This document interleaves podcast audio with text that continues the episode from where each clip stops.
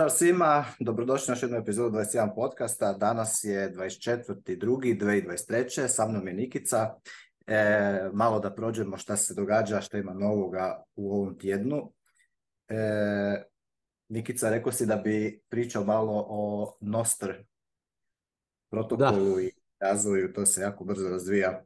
Šta kažeš, probao si? Pa pa iskreno e, nisam probao, nekako sam to ono, mislim, ne, nisam mogao propustiti, ono, na Twitteru sam primijetio da je ono feed puno prazniji, e, vidim da se sve više Bitcoinaša prebacilo na Nostr, koliko god Nostr nema ono direktne neke veze s Bitcoinom, vrlo je zanimljiva tehnologija koja je onako na nekim sličnim na sličnoj bazi ovoga napravljena. E, sve više se spominje nekakva Lightning integracija, na primjer vidio sam da su oni sad dodali onaj ZEP gdje ti praktički možeš svakom poslat sa e, satošije, e, ono ako mu lajkaš post ili tako nešto, evo da ovo što ti pokazuješ.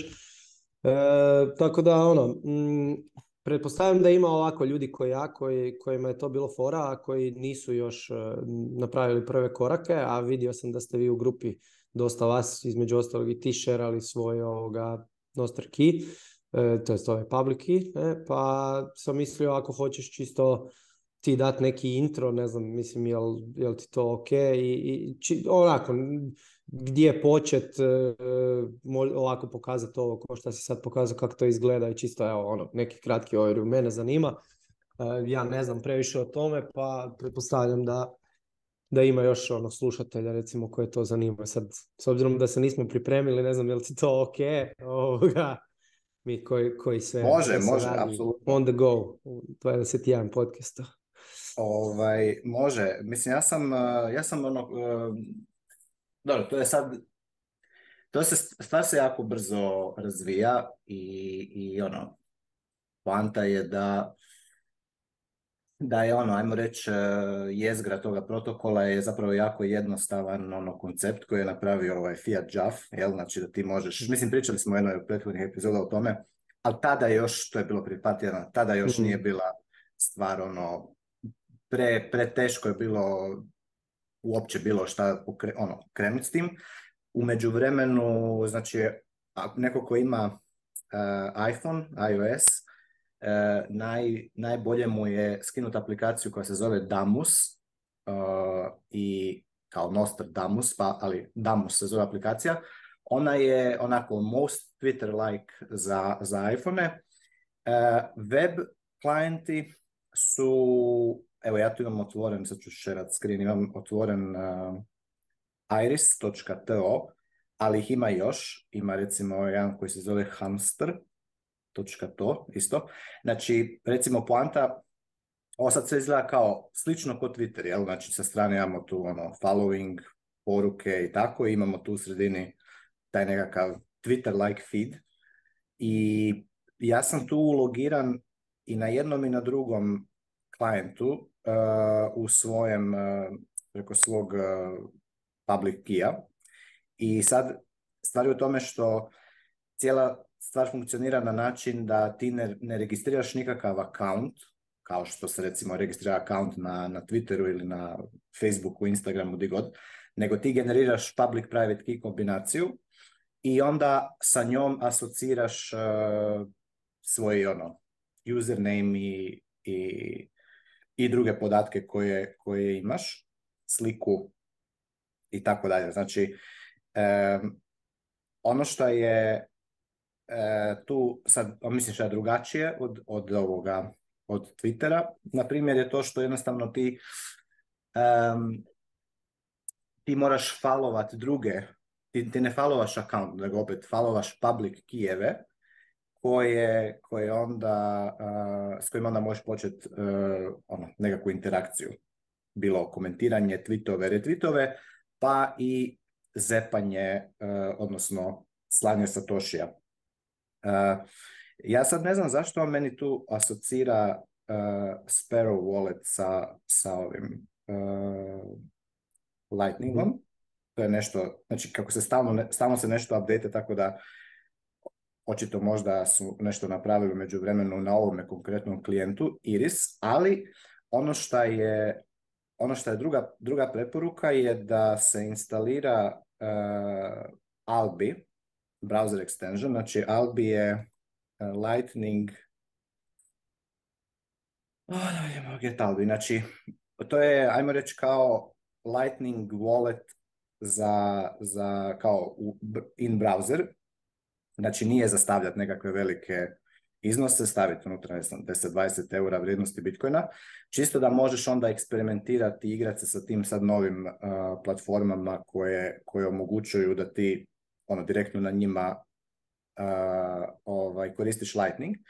Znači ja sam sad tu, vidiš, neki dan probao sam recimo prebacivat sa, sa ovoga Telegrama Lightning Tips na, na, Albi i nazad i to funkcionira Stacker News i ovaj, tako da ima ono, ima sad još različitih ono, e, use case ali ono, poanta je da ti recimo došao biš, kažem sad bi to je radilo neki dan kad sam to testirao, sad ne znam zašto ne radi, ali možda zato što sam updateo Chrome browseru u međuvremenu ili oni nisu napravili taj update cycle, ali anyway, poanta bi ti bila da ti recimo možeš e, tu na, ajmo reći, taj tweet do, e, pod navodnicima zepat e, nekakav iznos u Satoshima i poslat, a isto tako možeš Eh, doći na profili, i poslati tip. I sad opet, ovo je asociralo mm. sa, sa tim, ne Sparrow, ali ovaj, nema veze, znači to, će, to je nešto što će se popraviti. Znači poanta je da je još uvijek to sve ono, što bi rekli alfa software, znači nije, nije ni malo, mislim, user friendly je u smislu da ti to možeš napraviti ako si ono motiviran i ići eh, ono, napraviti public private key, spremiš private key u svoj u svoj ovaj, password manager. Za sad je to tako najbolje. mislim, s vremenom će se i taj eh, security aspekt poboljšavati i onda treba ti neko, najbolje da, te, da, da followaš nekog od, koga već znaš i onda ideš na njegov following list i, ovaj, i onda followaš dalje, hmm. eh, dalje ono, i tako se to, ajmo reći, organski sada, sada se bitcoineri uglavnom prebacuju sa, sa Twittera na, na Nostr. I, I isto tako, znači Nostr nije samo, opet recimo ovaj klijent kojeg ja sad tu imam otvorenog, Iris, on je Twitter-like klijent, ali protokol sam, način kako se, kako se ono relayaju ti uh, notes, to je kao jezgra protokola notes and other things relayed, to je kao akronim za Nostr, um, securely relayed. Znači, to je u biti, e, ti možeš napraviti drugačiju, uh, drugačiji klijent potpuno. Znači, ne mora to biti Twitter-like, može biti recimo Reddit-like, može biti e, Telegram-like ili, mhm. ili chat, može biti zatvorenog tipa, gdje ti dozvoliš ti ako ćeš ranat relay, znači to je nešto što, to je kao da ranoš, kao da, da si ti Twitter server, znači ljudi se ono, konektaju na tebe, spaju se na tebe i ti e, možeš određene ljude maknut ča, benatih sa, sa, sa svoga servera, odnosno relaya i možeš napraviti zatvoren, ajmo reći, relay, e, možeš staviti naplatni relay i možeš napraviti public relay. I isto tako, e, znači možeš napraviti, ajmo reći, zatvorenu, zatvoreni nekakav kao Twitter-like experience za ljude kojima samo ti, koje samo ti hoćeš gatat, ono, dozvoliti unutra. I, I, isto tako možeš raditi nekakve, ono, e, hibride između otvorenog i zatvorenog. Znači, recimo, možeš e, recimo staviti da je otvoreno, a kao relay je otvoren, ali za taj relay za njega falovat trebaš poslat, ne znam, tisuću satošija ili tako nešto. kao neki paywallovi recimo. Paywallovi. Slično kao paywallovi kod, kod ovih članaka, recimo da. nekih. Ta. Okay. E, i zbog, zbog jednostavnosti tih, uh, ajmo reći, e, primitives unutra, e, zapravo se još ne zna šta će se sve razviti sa, sa Nostrom, ali ono što se šta definitivno većina Bitcoinera pogotovo ovih tehničkih, tehnički nastrojenih, e, full su ono bullish na, vidiš, Jack je stalno tu, e, mm. full su bullish na, cijeli ono, protokol, zato što a zato što ono, generalno Twitter ima probleme, evo, od kad je Elon Musk preuzeo Twitter, sad su počeli zadnje nešto počeo pričati da će uvesti one Twitter coins nekakav kao, pa će, ono, generalno to, to je da, to, to, to onako e, ide u smjeru da u biti e, Twitter kao da se na neki način pretvara u nešto što nije inicijalno bio zamišljen i ono što je inicijalno zapravo napravilo uspjeh Twitteru je bilo da ti imaš kao nekakav public, ono, javni forum gdje se svako može registrirati, svako može staviti nešto, ono, neki tweet out there i ljudi retvitaju, lajkaju i followaju i onda recimo ja ako falovam tebe i ti ako si nešto retvitao, ja onda to vidim u svom feedu i onda mogu falovat tamo nekog. Znači, ono, ti sam, ajmo reći, organski stvaraš svoj nekakav kao echo chamber eh, na Twitteru, a ovaj, ali ono što je bilo naravno problem je bila ta cenzura i baš je jučer Seyfeden pričao o tome, on ima recimo veliki Twitter uh, account, ono 230 tisuća followera, i, ovaj, I jedan od najvećih problema koji su ti veliki akauntovi uvijek se žalili na, na Twitteru je to što ti možeš, eh, znači ti imaš veliki akaunt, jel? znači ono, imaš puno followera. I sad neko ko, hoće, na primjer, ono, doći samo trolat i radit eh, ono, gluposti, onda može doći tebe i tebe, ono, uh, mentionat, tagat i, ono, kao engage se sa tobom u nekakav uh, trolling, di onda ti si u principu ono, ti si ono, kao veliki, veliki account, u, principu si, nemaš dobru opciju, jer ako, se, ako ideš nešto engage se sa, sa, sa tim, onda ćeš ovaj, onda on može nastaviti trola dalje i onda on skuplja u biti, jer ti, ono, ti čim s nekim replajaš i engageš se, svi tvoji followeri to, to mm. vide i ti u biti ekspozaš nekakvog ono, neki mal behavior. S druge strane, uh, ako samo ignoriraš, Uh, opet onda ispada kao da, kao da neko te ono danka, ono u biti ti nema, nema šta odgovoriti i tako dalje. I ono što je baš Sefilin komentirao je da ono što su u Twitteru fundamentalno ono, pogriješili je što su recimo model e, ono, cenzure i moderiranja Twittera e, su išli raditi ono top down, oni su odlučivali šta se može, šta se ne može, a, ovaj, a ono što se treba napraviti je kao što imaš recimo na Twitteru follow e, listu. Znači ja recimo da odem sada, odem na primjer na tvoj, e, na tvoj Twitter profil i ja sad mogu vidjeti koga ti followaš, jel? I ko su tvoji followeri. A kaže Seyfedin da bi tu trebalo imati isto tako da se vidi koga si ti blokirao i kome si ti i ko je blokirao tebe. Jer ako se ti recimo, na primjer, da ti sad imaš blokirano, ne znam, x broj nekakvih ili shitcoinera ili spamera ili, ili nekakvih ono uh, onda bi ja mogao isto tako vidjeti da ukoliko meni u feed ispadne nešto što je što, si ti blokirao, ja bi lakše mogao to blokirati i eliminirati iz svog fida. I onda bi to isto tako disincentivizalo uh, da ono te trolove koji, koji idu na velike akaunte i samo ih ono agitataju, jel, tako da bi dobili svoj nekakav ono uh, reći, uh, klik, i impressione na svoj, na svoj account. A ovaj, zato što kad bi ih recimo veliki, ako te veliki akauntovi blokiraju, onda svi followeri tih velikih akauntova vide da si ti tamo blokiran i ti u biti onda ono, tvoj, tvoj se guši. Međutim, Twitter nije išao u tom smjeru nego su išli ono Silicon Valley, idemo ono woke mi cenzurirati. Zbog toga je puno ljudi na Twitteru uh, otišlo, koji su bili ono zanimljivi.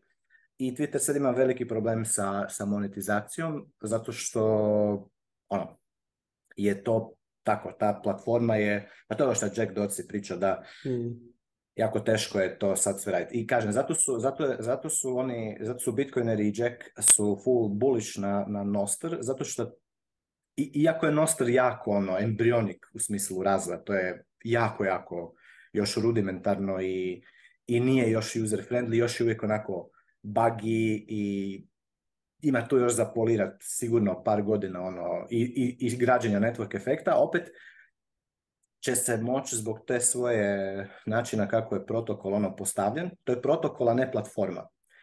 Nego recimo Twitter bi mogao biti jedan klijent na Nostar protokolu. Mm. Znači Twitter kao kompanija bi mogla napraviti svoj klijent, kao što je Twitter, i pluginat se u, u, I onda imati svoju politiku uh, relaya, ko može falovat, ko ne može i kako će napraviti. Onda je recimo, ajmo reći, Twitter bi bio kompetitor drugim Twitter-like rješenjima i tu bi se našlo šta je najbolje.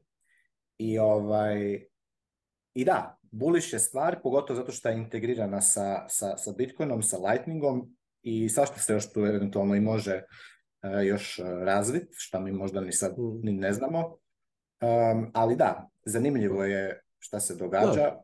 E, vrijedi, Ali da, je user friendly još ne bi rekao da je, jer kažem, imaš ono, nemaš taj normalan account creation flow kao što imaš na drugim, nego imaš public private key i onda ono, mm. dok, dok, dok ne falovaš nekog i dok ne počneš malo se igrat, će ti biti malo čudno jer kažem, nema, nema, nema još nikakvog ono, da, tutoriala, kako i to. Kužimo, ali dobro, rješava zapravo onaj neki core problem Twittera koji je sa ovim Twitter files eh, isplivao u zadnje vrijeme, a to je ono što mi svi pričamo već godinama, samo je sad i službeno, a to je ogromna cenzura koja se dešava na Twitteru i gdje zapravo ono se informacije cenzuriraju korona, američki izbori i uglavnom te velike nekakve stvari gdje, gdje mas medija želi na neki način ono naše mišljenje usmjeriti u nekom smjeru, onda sve onaj Hunter Biden laptop i te neke slične stvari. Da, da, da. To pretpostavljam nije moguće na Nostru, čisto radi načina na koji je napravljen. Ne? Možda sam ja sad Moguće znači ti možeš recimo, a opet, znači ti recimo sad ranaš svoj uh, relay, jel? I ti možeš na primjer benat, eh, ti možeš samo, ti možeš permitat, evo, ovih 100 ljudi može doći na moj, mm. ovih sto ovih 100 pa, public key može konektati se na moj relay. A ovaj, ali onda s druge strane, ti si onda u, kompetitivnom okruženju, gdje ti mhm. imaš, ti ćeš imati tisuće i tisuće Twittera koji da, će svi se jedni će dozvoljavati, jedni će snimati ono Trumpa i ne znam, Hunter Biden laptop, neki će to možda imati sve cenzurirano, ali onda će se, vidit ćemo šta će se tu formirati kao mm. Eh, ono, ti recimo sada ako hoćeš, na primjer, sad je baš ovaj, Jimmy Song, sad sam čitao neki dan, eh, je stavio ovaj, na Nostr napisao je jedan onako veliki eh, kao članak, kod tweet, ali je duži, jel? Note kojega kaže da to, recimo to što je napisao, to ne bi stavio na Twitter. Zato što misli da bi mu na Twitter bi mu to možda ono, flegao ili benao ili bi ga ono suspendao, a ne želi da ga suspenda, da mu suspenda account. A napisao je onako dosta veliki uh, note o ovome, Trudeau, Justinu Trudeau iz, mhm. iz Kanade i kako je, ovaj, kako su i njegove poveznice sa Fidelom Castrom. Mhm. Jer imaš ono, njegovi da, e, roditelji... Ušao sam u taj rabbit hole, bio e, tako da znači, znam. e, sad ti to recimo nešto što, ako tako nešto staviš na Twitter, mislim, možda neće ništa se desiti, ali opet imaš ono, nekakav slight risk, i ako imaš veliki account kao što ima Jimmy Song, koji je njemu i biznis, mislim, njemu je to izvor biznisa, on ono, ima svoj biznis koji prodaje knjige i te korseve za, za programiranje na Bitcoinu i tako dalje, znači ne želi ne želi da mu se on suspenda account na, na, neko, na neko vrijeme, zato što je eto, tamo neki e, baby Castro ono, ne voli da mu se, da mu se vidi e, šta, šta, ono, Komu šta se događa.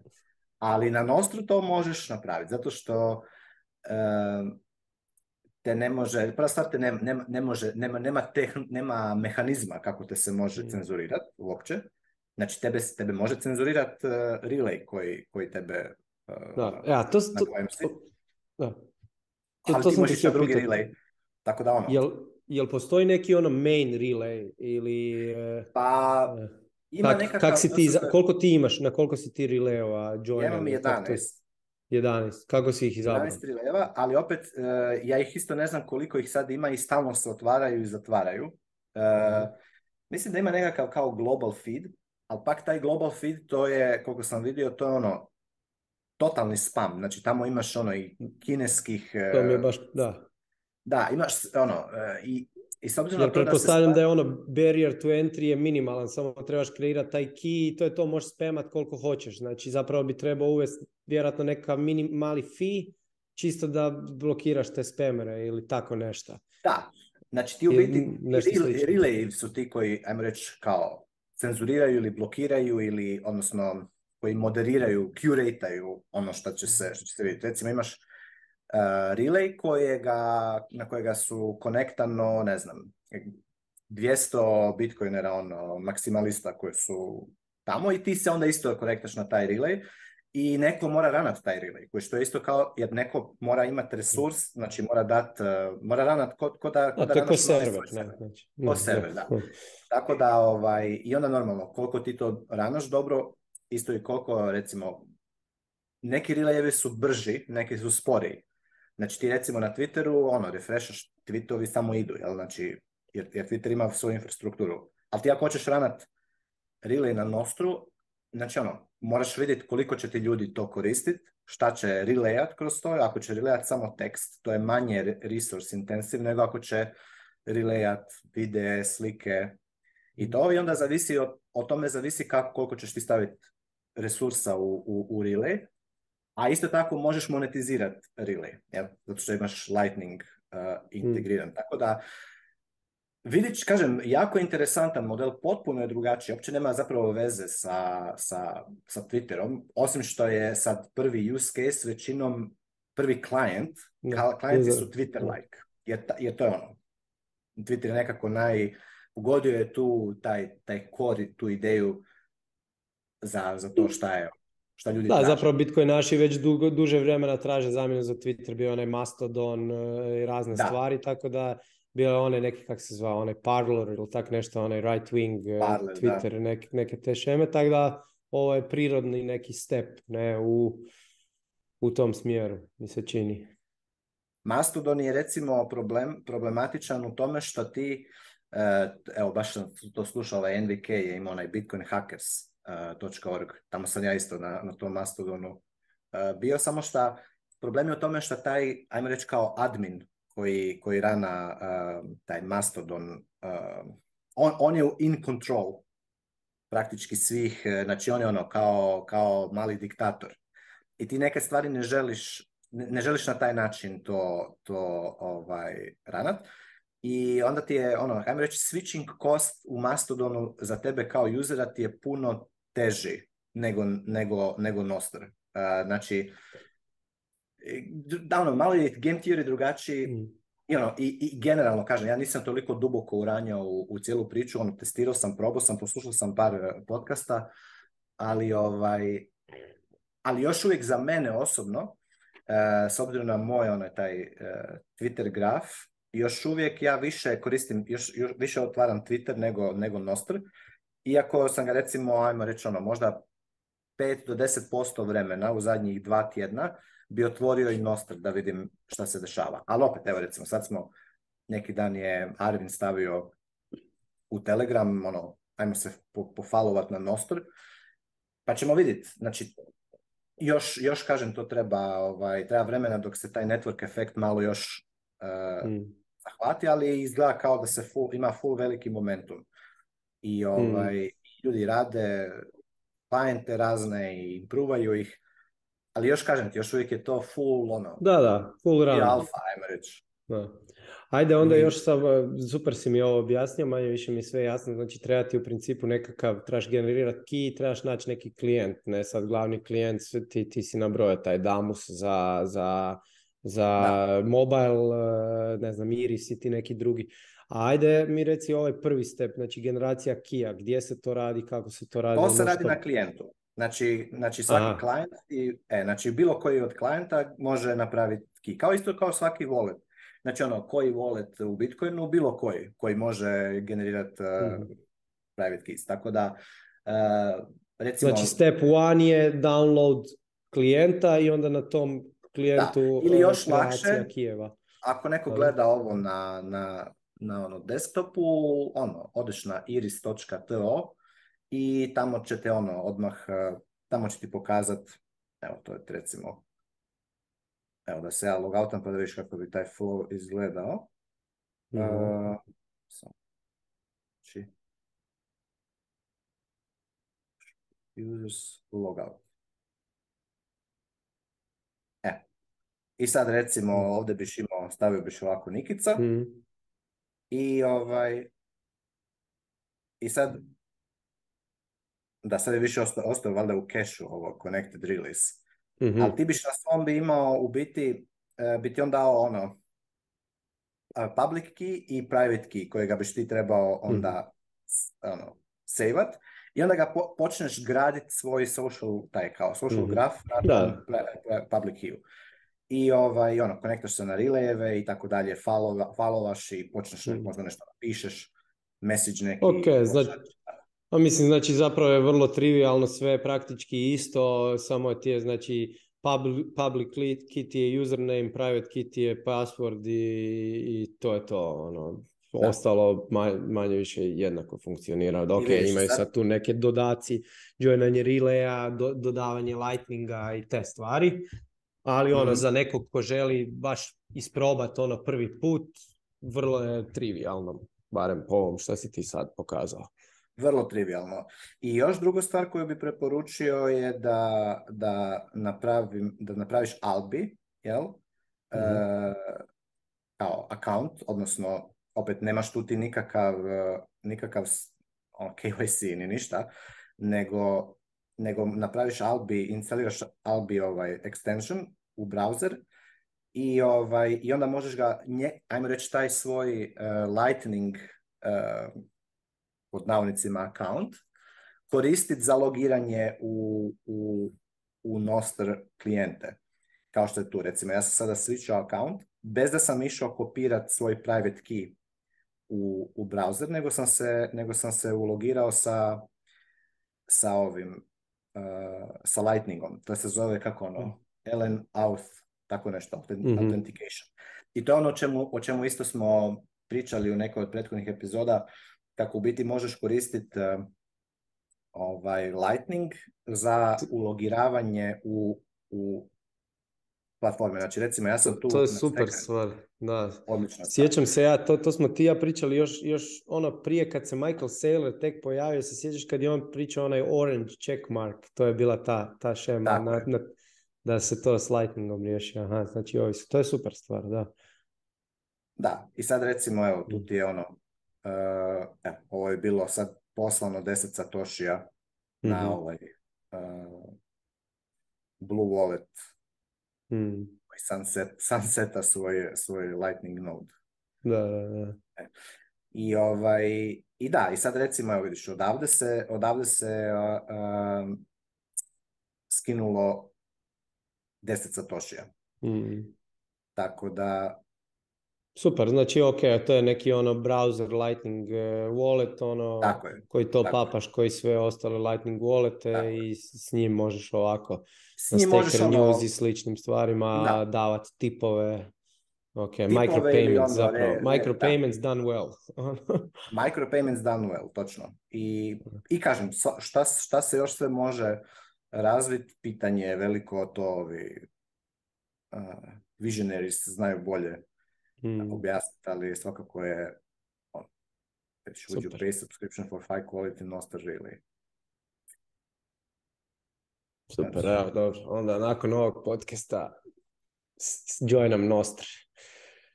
Da. E, znači, sad recimo ako hoćeš, evo ja sam tu sad imam još, stavio sam tisuća satošija na Staker News, ako hoću fundat, uh, evo još tisuću satošija, mogu vidiš, ali bi prepoznat da ću fundati i onda pay now, jel? Super. Platim i i evo imam sad još da. tisuću, tisuću na Stacker sad tu mogu ono da. jel? dizat, spuštat, evo, deset satošija. Da. E, jako zgodno, jel? jer kažem, ovo ovdje isto full lako, full lako napunit, znači ono imaš receive, ne znam, mhm. tisuću, tisuću satošija i i on normalno da, vezan sa dobiš pa QR kod i to je to, da. Ako pošalješ sa, drugog Lightning walleta tu uh, i ovaj, isto tako možeš sendat. Tako da, mislim, super stvari, pogotovo su super zato što je ono, uh, koliko će se to još razviti, koliko će se ispolirati još sam taj experience, to je, to će biti ono, ludilo. I, mm. da, i, i sve više i više te alternative ono, postaju ozbiljni, ozbiljni kontenderi ono, na, nove, ove ajmo reći, legacy social, social mm. media, koji su svi monetizirani i na isti način, ono, preko da. U biti ti si, ti si nekakav produkt, ti to koristiš for free, ali ono, znamo već tu priču.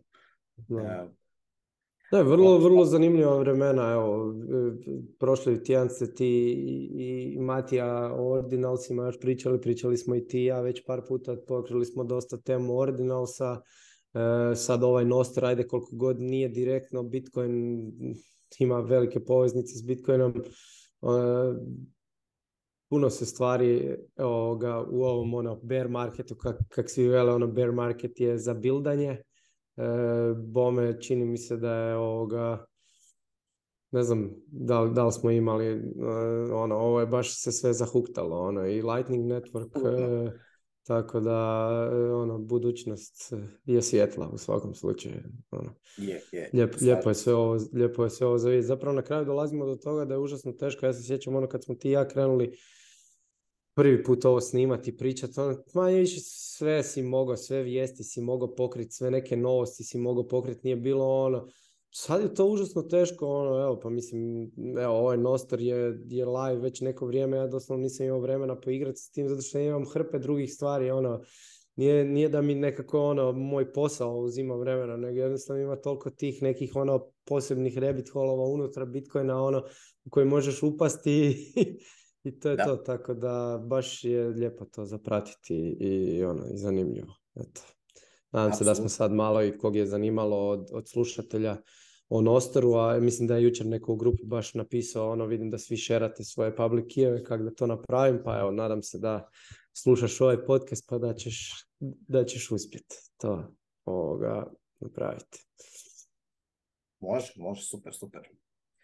Da, sad ne znam, evo, od nekih vijesti od ovog tjedna, ne znam, ja sam tu par, par stvari stavio. Mhm. Mislim da su onak dvije neke najzanimljivije, zapravo ova treća je neka shitcoin, tako da ne moramo ni, ni, ni o tom pričati. Prvo se tiče, ne znam zapravo sad koji ćemo, možemo prvo ovo o core devovima, ne znam da li, da li si malo pratio tu situaciju, da nam je otišao još jedan core dev, ovaj Marko Falke, koji je bio eh, glavni kontributor zapravo zadnji, mislim glavni kontributor, ne znam to rekao, ima najviše komita na GitHubu uh, zadnjih godina, on je sedam godina bio ovoga core contributor i, i sad se povukao. Uh, onako, uh, vidio sam uh, na telegraphu i takvim ono shitcoin uh, media outletima dosta ono kako se negativno piše o tome pa pretpostavljam da ima valjda vjerojatno i, i, i, nekih ono slušatelja koje, koje potencijalno ono to zanima. Moje mišljenje je da ono preživ za, nekako ovako da postavimo, znači šta su zapravo ti core contributori, e, to su, možemo ih smatrati kao nekim ono genitorima zapravo cijelog sustava, znači oni reviewaju te PR kodove, PR komitove eh, i u konačnici zapravo oni su taj super user koji nešto može implementirati u Bitcoin Core. Međutim, Bitcoin Core za razliku od svih ostalih aplikacija koje smo naviknuli koristiti nema auto update. Tako da eh, svaki user samostalno mora updateat e, svoj, svoj, svoj, svoj node. Ne? E, tako da mm, neka velika šteta koju oni kao mogu napraviti e, je na taj način spriječena i mi imamo velik broj usera koji koriste prijašnje Bitcoin korove, a i u ostalom zapravo bilo bi vrlo mm, loše za Bitcoin da eh, je njegova budućnost ovisi o, toj šačici tih core kontributora eh, koji mogu otići eh, ili vratiti se ili gdje može doći nekakav ono potencijalni kontributor koji ono želi uništiti Bitcoin ili napast Bitcoin, tako da je jasno da se to ne može napraviti, tako da i zapravo taj odlazak tih core, kontributora ne bi trebao biti prevelik deal.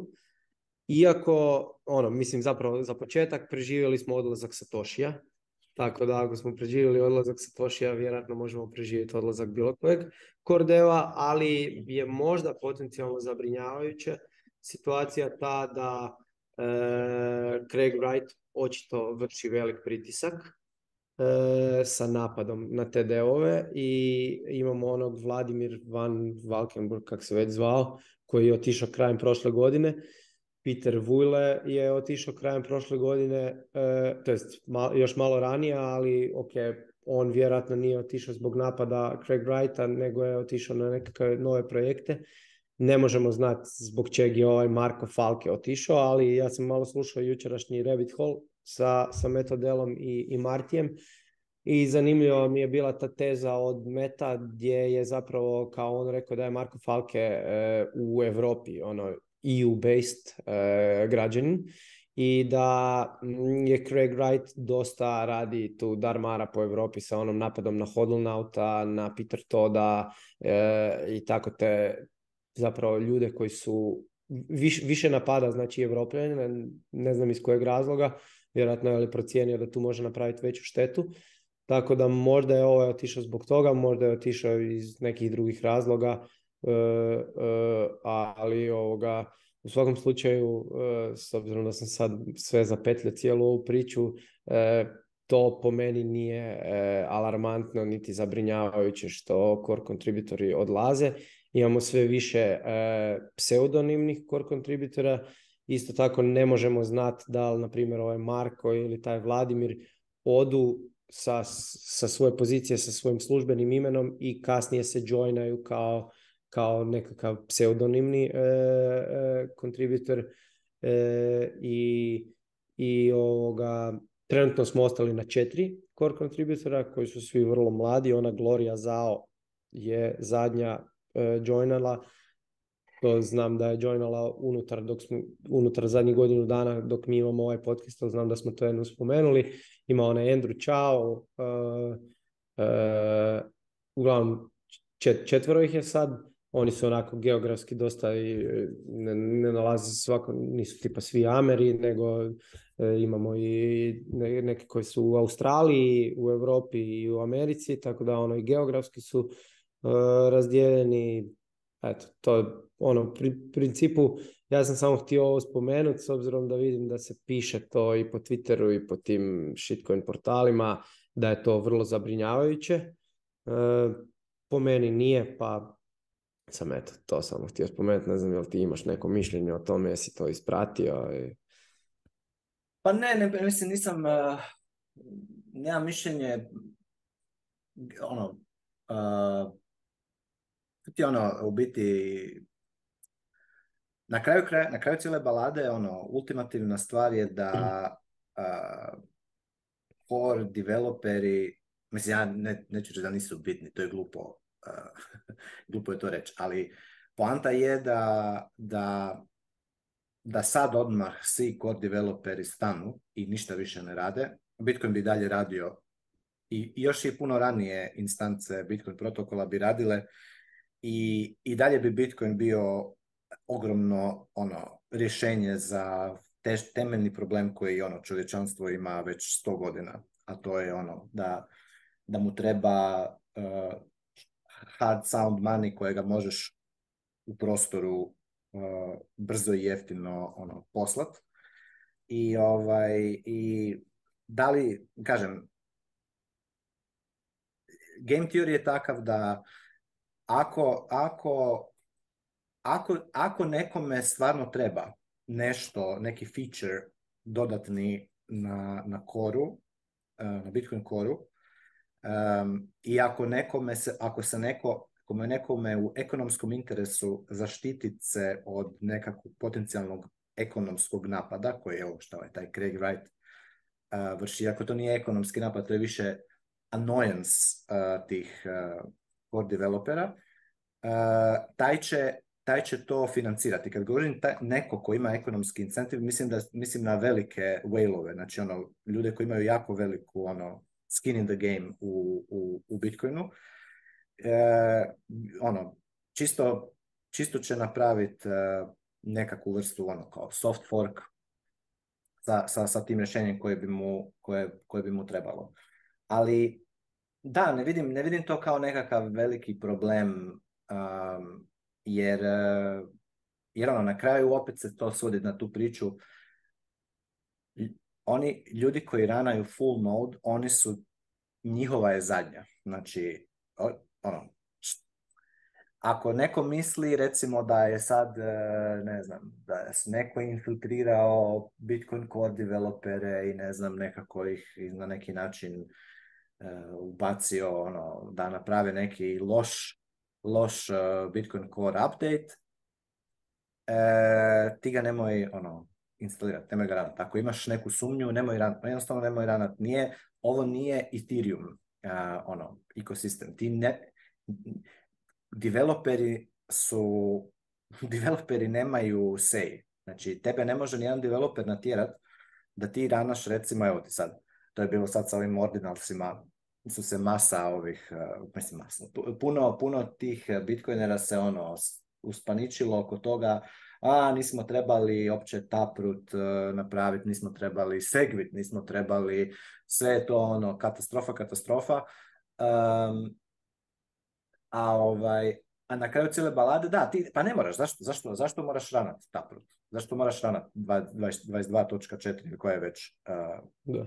E, version Bitcoin Core. Pa Rana je, Rana je onaj pre Rana je pre-segwit. Znači, dalje ćeš se ti sinkronizirati sa... Rana i 1.0, ne? Što je, hoćeš 1.0. On će biti više, ono, vjerojatno klanki, ajmo reći, neće biti toliko optimiziran, sporiji će biti sigurno, jer je, ono, e, kod je takav da, da je onako, što bi rekli, kupusast, ali dalje ga možeš ranati. Dalje ćeš ti, ono, u jezgru Bitcoina ćeš, ćeš ti imat e, UTXO set će ti se, će se sinkronizirati, e, svi consensus rules će biti e, čekirani i ono, znači, to je ono je, to je taj glavni benefit e, Bitcoina koji Bitcoin ima, koji drugi, drugi ti shitcoini nemaju.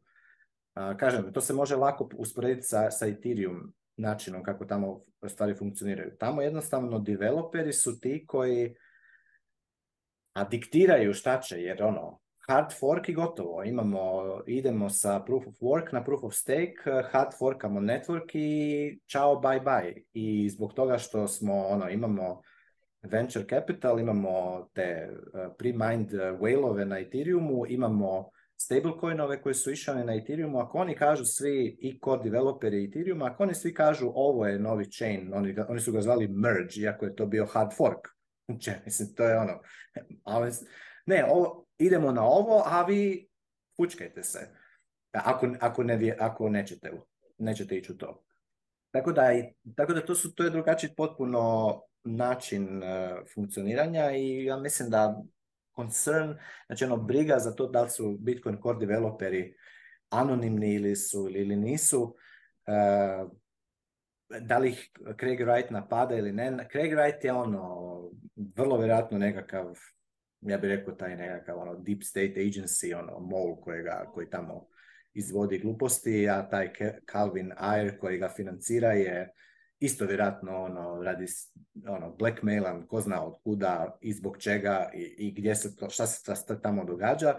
Uglavnom, to je jedan onako mračni ono, svijet koji koji realno game theoretically samo radi nuisance, ali ne može ništa napraviti suštinski, ne može nikak nikakvu promijeniti. Ti uvijek kažem, ako, ako imaš i malo sumnje u to da nešto, nešto ti ono fiši, ne moraš čak niti razumjeti šta se dešava, ali ti je fiši, evo sad je recimo opet nekakav idemo napraviti speedy trial na, za onaj Walt op Walt Uh, u, e, to sam vidio nešto, ali nisam, nisam e, uopće to. Pa Nešto naj, naj onako, najjednostavnije rečeno, ono, pojednostavljeno, taj upvolt bi trebao omogućiti bolje, lakše time lokanje e, ajmo reći, e, Bitcoina i, i, recimo dodati još nekakve dodatne, ajmo reći, uvjete da bi ti e, pomaknuo Bitcoin, znači da bi napravio Bitcoin transakciju. Šta bi recimo bilo korisno u slučaju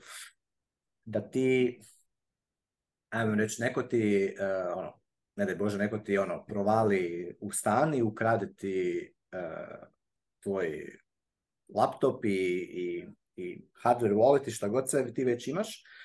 I sad biš ti mogao konstruirati takav, e, ajmo reći kao, tak, mogu bi napraviti takav skript u, za, za UTXO, odnosno za, za pomicanje utxo tako da ako ti i pokušaš sa tog UTXO-a ono, poslat e, Bitcoin mhm. i ti imaš e, validni ono, private key i, i signature, opet nećeš moć jer će ti trebati, bit će ti ono tipa delay od tjedan dana ili dva tjedna mhm. e, prije nego što to actually možeš mhm. napraviti. Ili za jedan iznos možeš ga pomaknuti odmah, ali za cijeli iznos moraš ono čekati još određeni period vremena i još onda, onda kad prođe taj period vremena možeš triggerat još jedan uvjet tipa da se onda nakon prođe period vremena, onda moraš napraviti multisignature. evo Takve stvari možeš raditi. Opet, to nije sad, ono, to sada hitno staviti? Nije. Nekome možda je, nekome možda nije. Da li se može nekako slično, nekako rješenje napraviti, ajmo reći kao off-chain, pa da ti e, to ono, može se, jel? ali onda je ono, nije skroz trustless ili trust minimized, nego recimo možda imaš nekakav hybrid trust model gdje bi to trebao nekome dat, ajmo reći, na povjerenje da će ti taj, da će egzekutati taj tvoj, e, tu, tvoju schemu kako ti želiš zaštititi Bitcoin dodatno. I, ali anyway, poanta je da sad se to, ajmo reći, sad se to dešava. Sad neki, neki ne znam točno koji core developeri bi htjeli napraviti taj speedy trial tog, eh, tog op volta, a uh, eh, speedy trial je ono da, da mineri signaliziraju, da. Kao, što, kao što je bilo za Taproot. da, jedan dio Bitcoinera je ono, ne, to je katastrofa, je Francis Pulio, je ono, ne, ne, katastrofa, katastrofa, nešto. Sad... Da, on je promijenio mišljenje nakon Tapruta, pa sad ne želi valjda ništa da, da bude. ono Taprut, jer, ono, jer su došli da. ovi, stavili su Ordinals, i to je ono grijeh eh, ali ok, e, sve je to ok. Znači ja samo kažem da ako poanta je da ako ti to, ako ti i malo rezonira, a ne znaš još ništa, znači niko te ne tjera nigdje, nema, nikakve žurbe da ti sad moraš update svoj, svoj core e, Ti ga možeš jednostavno pustiti, čekat, neću update, čak i ako stave, neka naprave na GitHubu, ono, neka i relisaju mm. novi, novu verziju Bitcoin Core koja ima to nešto, šta god to bude bilo novo, pod navodnicima, implementirano, ti još ne znaš, nije te briga, nemaš vremena sad to proučavati, ne moraš to raditi. To je ono što je lijepo u Bitcoinu. Što te niko mm. ne sili i, nema automatskog update znači ono, mm. nema tu, niti te Bitcoin Core pita uopće. Da, on će te pita, tako.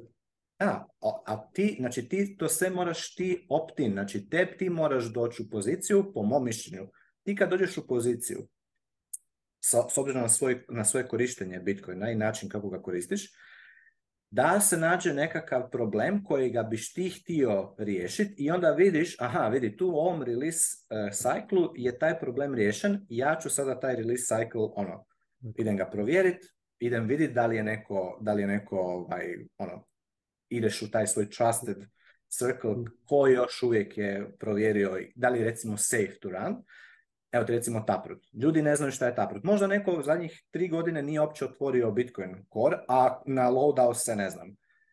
Par tisuća eura Bitcoina prije, ne znam, u 2016. I opće nije, uopće ne zna do sada ništa što se dešava. Znači on ne mora, ono, sad, oh, ja moram sad odmah update-at e, last, ono, i mora imati Taproot na svom novu. Ne, nego će se prvo raspitati, vidjeti šta je to, je safe, nije safe, tako dalje. Ako je safe, će ga, će ga update-at. I to je, to je, to je poanta. Tako da ne, ne mislim da je, nekakav problem. I to je općenito nešto ovo što si ti sad rekao je dobar point i to je nešto čega bi se svi trebali držati.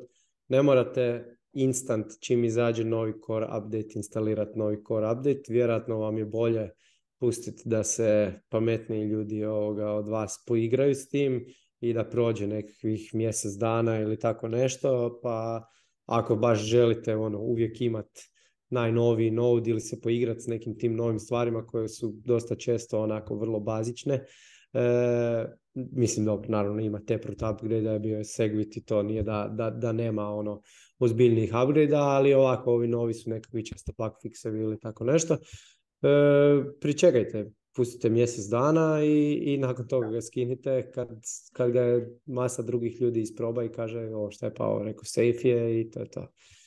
Recimo ja znam, da, ja znam uvijek to, sorry, uvijek to istaknem, ono Steve Barbour koji je meni jedan od dražih e, Bitcoinaša, on je ono javno rekao da on koristi onaj Bitcoin Core 1.0 i da ga ne jebe pol posto ovo sljedeće i to je to. Tako da ono, može se, može se apsolutno, da.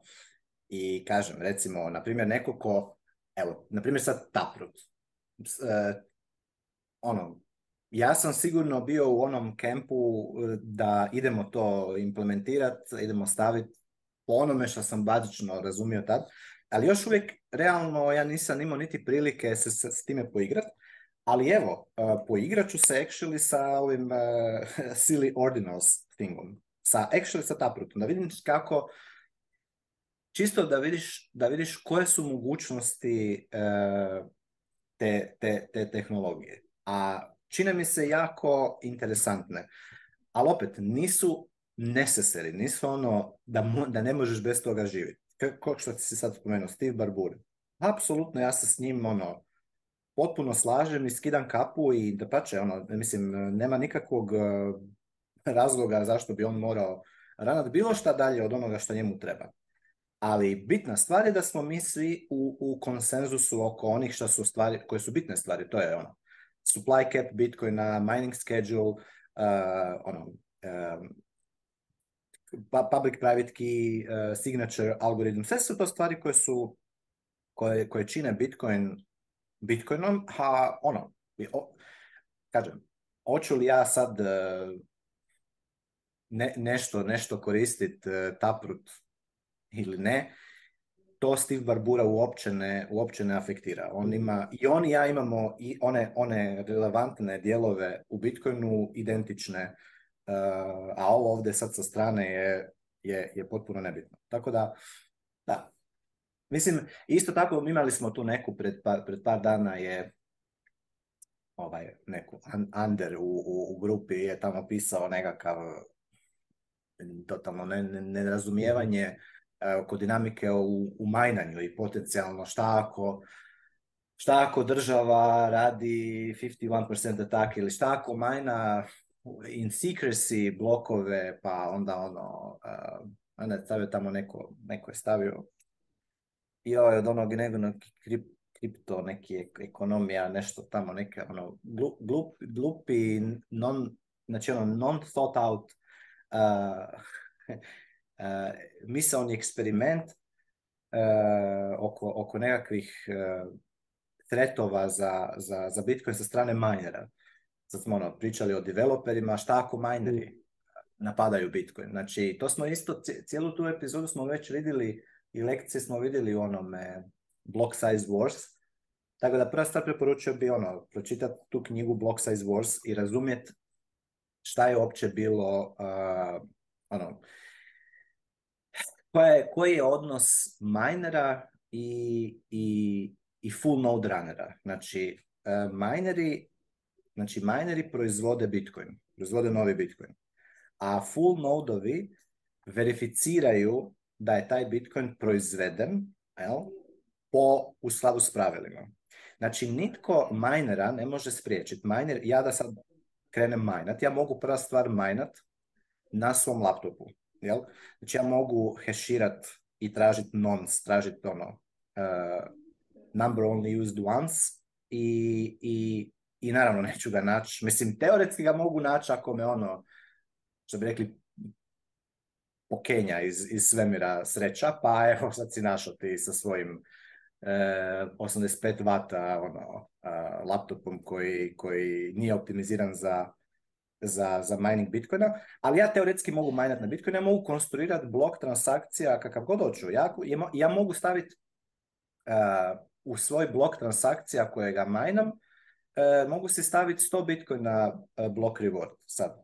Ja mogu raditi šta hoću kao, kao miner, ali poanta je da je kad ja šta god to izmajnam, ja sam, ja sam potrošio neki resurs za to, makar na svom laptopu sam možda sat vremena majno, pa sam potrošio sat vremena struje na, sa 85 vati.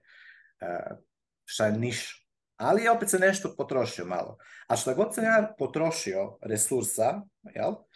E, ja ako sam izmajnao i prezentirao blok full nodovima, koji je, samo ima jednu stvar koja je van konsenzusa e, Bitcoina, ja sam popušio, oni će to, neće to, neće to, neće konstruirati, neće ga hmm. inkludat u, u, u, svoje blockchaine. Znači, ja samo gubim novac s time da pokušavam nešto napraviti što je van konsenzusa e, Bitcoina ako sam miner. I onda šta se dešava? Mining, kako, kako u mining, ono, hash rate raste i sve više i više je potrebno, sve više i više košta novca i kapitala i realnih resursa za uopće probat napraviti nekakav e, napad ili bilo kakav ono cheat uh, Bitcoina. Znači, minerima je sve skuplje i skuplje i skuplje i skuplje i skuplje i skuplje. I samo će se nastaviti sve biti skuplje i skuplje i skuplje i skuplje. Da bilo šta pokušaju uopće. Znači, ono, kost da ja sad recimo probam uh, majnat sat vremena, ono, šest blokova, kako ovaj stavio taj, e, kao šta ako neko majna u tajnosti, već je ono, skupio je više od 50% hash rate Znači već samo skupiti više od 50% hash rate je, je fantazmagorija, totalna. Ali ajmo reći da je on skupio na neki basnoslovni način, ne znam, tamo je okupirao je, identificirao je sve moguće ono mining e, mining ovaj, kompanije i e, ove data centre i i or orkestrirao je i sve to uspio u tajnosti napraviti, niko to ono, u cijelom open ono, source niko nije saznao za to, to je čudo bilo, sve je on uspio capturat u međuvremenu i eto sad će on minat u tajnosti blokove i ovaj u videu kao šta ako mu se posreći, on majna blok, blok i posreći mu se da nađe dva bloka u, u 10 minuta, ali onda on njih ne, ne broadcasta full nodovima, nego ih čuva za sebe. I onda će kao ovi drugi honest mineri nastaviti majnat i onda će oni naći regularni blok, a ovaj ovdje je jedan blok ispred njih. Jel, ima, ima duži chain tip ima više proof of worka na svom chainu. A onda šta ako mu se posreći još jedan put, pa onda još dva, još onda je dva bloka ahead, pa šta ako mu se posreći još jedan put, znači to ono, mora mu se ono posrećiti jer, jer on ima samo 51% hash rate Znači ne može on, e, ne može on, to je ono, ko, ko kad imaš, e, ko kad imaš novčić, je, nije 50-50, nego je jedan samo posto weightan na jednu stranu i sad mora, mora ti se posrećiti x broj puta, 5-6 puta da ti padneš na tu, na tu stranu koja je koja je tvoja, e, i šta ako mu se posreći, posreći, posreći, i onda on publisha taj duži chain i, i, i onda ovi svi honest mineri koji su minali popuše zato što, zato što će full nodovi inkludat taj longest chain.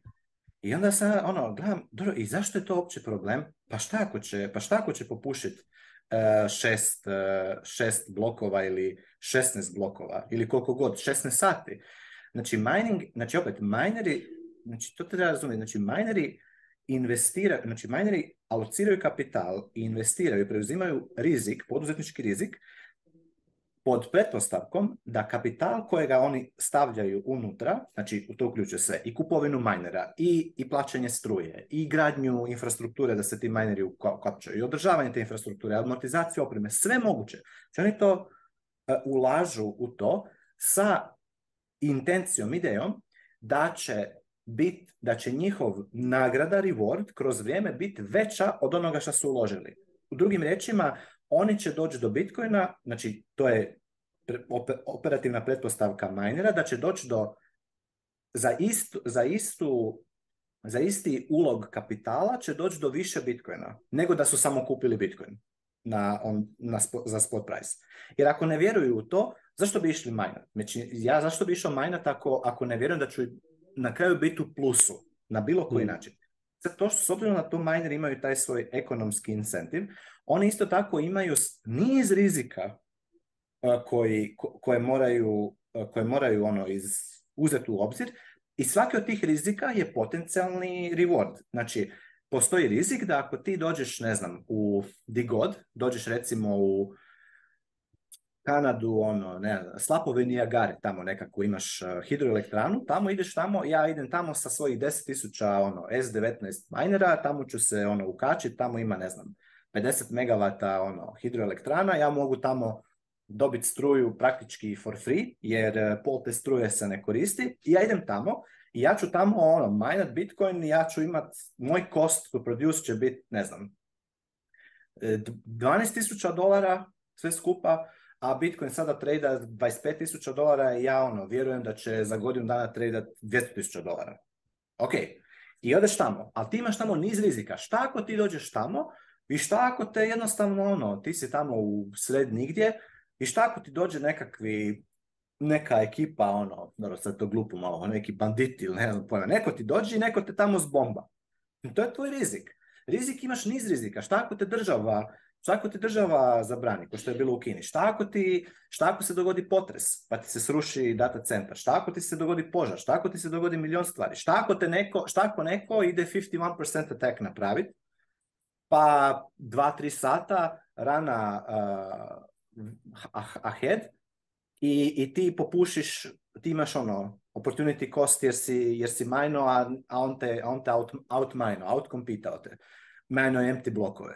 To šta će on, šta, to što on isto puši novce, eh, ono, troši kapital za, za raditi nešto što na kraju ništa se ne događa osim nuisansa za, za Bitcoin network. Kažem, znači, 2021. Bitcoin uh, hash rate je pao za viš, za duplo, ono, doslovno sa 190 za hasha je pao na ispod 90. Znači ono, šta smo mi vidjeli, to, ono, to ljeto je bilo, maj, ono, ja se sjećam da su, da su blokovi jednostavno dolazili sporije. 12-15 minuta, ono, napravio se jedan backlog blokova i ti si jednostavno, ono, higher fees, ali ali to je to, to je prošlo, to, je, to traje, trajalo je ono dva mjeseca cijela stvar i prošla je i čao. I dalje Bitcoin radi i dalje su se sve transakcije koje su se trebale setlati, su se setlale i dalje je alternativa. Ok, znači sad ne, oh, nemam 10 minuta blok nego 15 minuta blok, ali frende moj ti ono imaš, ti, ti, šta ti je alternativa za prebaciti recimo 100 milijuna eura sa ne znam, Eh, iz Londona u, u, u New York, šta ti je alternativa? Alternativa ti je ići u, u kupit 100 eh, onih eh, London LBMA Good Delivery Gold Bars od 12,5 kg i probati ih šipati u, u, u, iz, iz Londona u Ameriku. Koliko ćeš to platiti? Platit ćeš ono 300, 400 tisuća, dolara ćeš platiti taj transaction i to je samo ono, to je to je samo transaction cost, gdje još verifikacija, tu ćeš ti doći sa 100, blokova zlata, ono, e, idemo to sve smeltat dolje, recastat, e, da provjerimo kolika je čistoća, ono, dok s druge strane imaš Bitcoin koji ti je, aha, ok, moći, mogu prebaciti 100 milijuna dolara iz New Yorka u, London e, za 10 minuta, a ne za 10 minuta nego za 15 minuta. Uh, strašan problem. I neću platiti 2 e, dolara mining fee nego ću platiti 5 dolara mining fee. Au, katastrofa. Znači, e, kad ti, ono, kad ljudi razumiju kako funkcionira game theory uh, Bitcoina, ne, ono, zato sam ja rekao, tom, kogod je već, uhvatit se neke knjige koja, ako već imaš te koncernove, ako nije samo concern trolling, što ja vjerujem da nije, ali ako već imaš stvarno koncernove, ako ti mozak radi na toj razini da te takve stvari brinu, uhvatiti se, se knjige i onda kad pročitaš knjigu, onda možeš, ta, ta pitanja će biti možda i bolje postavljena i neće niti biti, mm. ali dobro. Poanta je, možemo mi uvijek odgovoriti na pitanja, pa će biti za nekoga ko, ko uči. Znači, mineri majnaju i oni zapravo prodaju to što su izmajnali Bitcoin networku, full nodovima koji možemo zamisliti kupuju to što su izmajnali. Ako mineri izmajnaju nešto što nije Bitcoin, a to može biti da prekrše bilo koji od konsenzus rulesa u Bitcoinu, full nodovi će to odbaciti. Zbog toga što kost, znači cijena, trošak mininga raste, jel, u smislu uh, struje, odnosno energije koja je potrebna za, ne energije, nego moć, snage koja je potrebna za, za radit, work, kad kažemo proof of work, work je definiran kao power over time, a power je definiran kao energy over time. Znači, nije energija ta koja, energija je beskonačna u svemeru. jel? Energija nije ekonomsko dobro, nego je power ekonomsko dobro. Energija je u jedinici vremena. Znači, sabi mi uh, određenu količinu energije u određenu količinu vremena. I onda to, kad imaš određenu količinu energije u određenoj količini vremena, to u vremenu je work. Znači, ja mogu vršiti jedan kilovat u sat vremena. Koliko košta jedan kilovat sat? To je ono što je work. Znači, koliko košta majnat, to raste, jer hash rate raste i sve više i više kilovata je potrebno ono, za majnat. A šta se s druge strane rješava? Trošak verifikacije da su mineri napravili Bitcoin pada.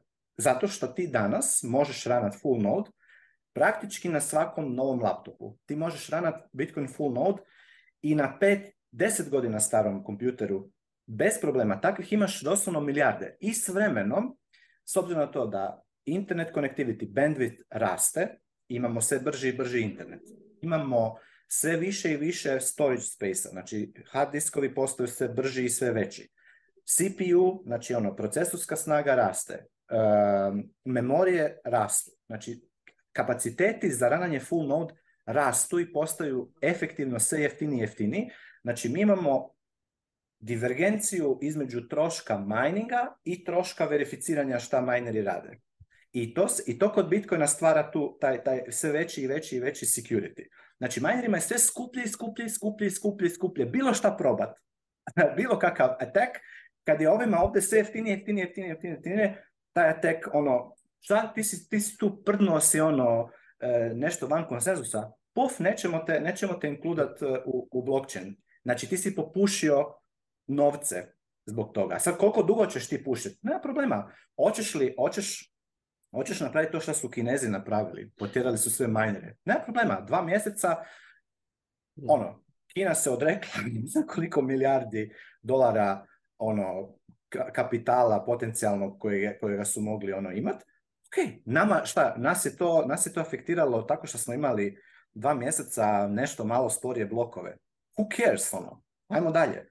Znači, e, nema, nema tu Bitcoina, a opet, radi difficulty adjustmenta, to isto neko rekao, šta ako država, ono, ne znam, nešto uništi minere ili, ili capture-a, na minere. Pa na minere, znači evo, da sad država dođe, u Americi skoro onaj US, USA Foundry, mining pool ima preko 30% hash rate-a. Govorim mining pool, ne, ne jedan miner, nego mining pool. Ali ajmo reći da u nekoj, ne daj Bože ono, ali ajmo reći u nekoj fantazioznoj scenariju, Amerikanci kažu uh, ono, ne želimo mining, idemo ih shutdownat, ako nećete shutdownat, mi ćemo vas jednostavno izbombat. Izbombat, ono, uzet US, US Air Force i i ćemo minere, šta bi se desilo? Hash rate bi pao, jel? opet, blokovi bi se sporije minali, jer bi palo, recimo, neka padne 30% hash rate za 30% se blokovi sporije minaju, znači dodamo još 3 minute u prosjeku na, od ne umjesto 10 minuta, 13 minuta treba za izmanjati blok, difficulty, šta se dešava, padne dolje za 30%. Znači svakih 2016 blokova mining difficulty ili se poveća ili se padne. Ili padne. S obzirom na to koliko je prethodnih 2016 blokova bilo. Ako su se pronalazili blokovi brže, onda će se difficulty otežat, povećat će se. Tako da opet dođe 10 minuta po bloku. Ako su se minali sporije, će past. Znači, Nažalost, mineri ti koji su tamo, oni bi, oni bi bili ti koji su izgubili. Ali ne Bitcoin holderi i Bitcoin network i Bitcoin full node validatori. Znači, to su, to, da, ja ne bi volio da se to dogodi. Ali ako se dogodi, moj, ne afektira me moj, uh, moj, moj Bitcoin. Da, Bitcoin price, znači cijena Bitcoina može past, ali ako ti je to concern, znači ako je tebi concern da će, a šta ako, a šta ako Bitcoin padne? Ja sam kupio Bitcoin vjerojatno taj misli, ono, ja sam kupio Bitcoin na, ne znam, 37 tisuća dolara, pa sam prvi put, pa sad ono, malo me, glavo me grči, ja sam ono, underwater, i ovaj, meni štaku, mineri štaku, ovaj štaku, onaj. Gledaj, znači, i to je isto odgovor. Znači, treba, bit, treba očekivati uvijek da Bitcoin, s obzirom na njegovu volatilnost, s obzirom da nema nikakvu, nema elastičnost suplaja, znači, koliko god dime, ono, potražnja s Bitcoinom raste, pada, Ponuda ostaje ista. Znači ono, fiksna. Bitcoin je još uvijek jako malen, ono, malena je, nije toliko likvidan, može divljat cijenom. Znači, ko ne očekuje da mu od trenutka kada je kupio Bitcoin, da neće doživjeti nikad da mu taj njegov entry price padne za 80-85%, neka odmah, e, znači, ako ga i malo to muči, znači da još uvijek ima preveliku poziciju u Bitcoinu, a nema dovoljno razumijevanja šta, kako funkcionira stvar da bi mogao si dozvoliti ima tako veliku poziciju. Znači, moje veliki, stvarno mi je savjet, ono, znači, ako nekoga takve stvari muče, a, a baš da ga je ono, stvarno mučeno, koncerncu, uh, eh, reducirati izloženost Bitcoinu, znači smanjiti jednostavno poziciju, prodati jedan dio Bitcoina i sjest i uhvatiti se proučavanja. Kad ti bude jasno šta je, onda možeš više alocirati. Znači, doći će, ljudi će doći do toga da budu alocirani 100% u Bitcoinu kada, kada dobiju dovoljno povjerenje u, cijelu, u cijeli sustav kako funkcionira. Hmm. I to ćemo svi mi doći na to, neki prije, neki kasnije, ali realno sad još uvijek to je tek 14 godina ono, stara tehnologija. Ne, ne, ne, pre, pre, pre novo je to još sve. Tako da, ali dobro, to je ono što se tiče mininga. I, i generalno, užasno je ne teško i, i jako je mala šansa da, da neko danas, nakon što je toliko već ljudi koji su puno, puno, puno pametniji i stručniji i koji se samo bave s time od svih nas, toliko je ono tih eyeballsa već na Bitcoinu dugo, dugo vremena i toliko je puno većih igrača koji imaju puno veći skin in the game, prati stalno šta se dešava, da će sad neko od nas ono, eh, sad sam ja našao ono, exploit Bitcoina, nisi. More likely da ti si samo imao ono što bi rekli brain fart i sad je samo pitanje da će ti taj brain fart eh, ono, spredat okolo i ljude strašiti s tim, koji isto tako možda nisu, nisu na nekom stupnju razumijevanja ili ćeš jednostavno zadržati taj svoj brain fart u sebi, će bi rekli, i onda ići i malo istražiti. I pitat više, znači ono, ako već negdje pitaš nešto,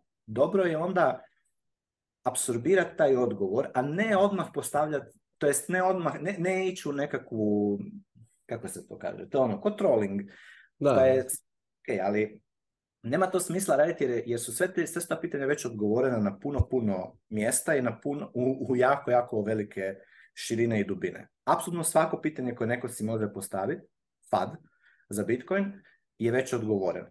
Ali ovaj, i zato, ali nije loše ih odgovarati, samo bi bilo bolje da ih odgovaramo onako strukturirano, ne da se sad natežemo u, u grupi jel ko je u pravu, ko nije u pravu. Jer nema tu ko je u pravu. Imaš nešto šta ili je, ili je tako mm. egzaktno ili, ili nije egzaktno. Nema tu moje mišljenje. Ako ja kažem da je 2 plus 2 4, nije 2 plus 2 4 zato što sam ja to tako rekao i zato što ja sam ja, eto, ljudi meni vjeruju na riječ, nego zato što ja mm. mogu provjeriti, svako može provjeriti da je 2 plus 2 4, a nije 3 i nije 5. Tako isto i kod ovih stvari, svako može ih verificirati i provjeriti sam. Mm. Ali, da, evo, sad smo to... Ne, je, super si, ja, ja se slažem sa svim što, što si ti rekao i ovoga Htio sam sam dodati, iako si to time ti sad na kraju taman pokrio, da ono, mene su te stvari zanimale 2017. godine, točno si ti rekao. To su, to su stvari na koje su puno pametniji naši od nas razmišljali još 2011. 2012. i dati su ti odgovori tada. E, i, I ono, ako već pitaš manje više u grupi, ako ti je nekoliko ljudi reklo da je Block Size War odlična knjiga, onda po meni bi se to trebalo uzeti i pročitati i tek nakon toga pitati ako, ako ti još nešto nije jasno. jer je. Block Size War, ja neću sad prepričavati knjigu, jer su mi u nekoliko podcasta to spomenuli. E, knjiga napisana od Jonathan Beera, koja je jedan iz BitMEX researcha, e, odlično prati to razdoblje 2016. E, godine pri Segwit, gdje su stvarno jaki entiteti htjeli napast Bitcoin. I to je po meni, meni, ono, meni kad je taj dio sjeo i kad sam skužio, naravno nakon, nakon što se to dogodilo, eh, kad sam skužio da, da, da, stvarno im taj napad nije uspio, eh, doslovno mislim da ne postoji više takva vrsta napada koja može naštetiti Bitcoinu. Jer tad smo imali situaciju za one koji ne znaju, eh, jednog proizvođača mining opreme koji je bio Bitmain.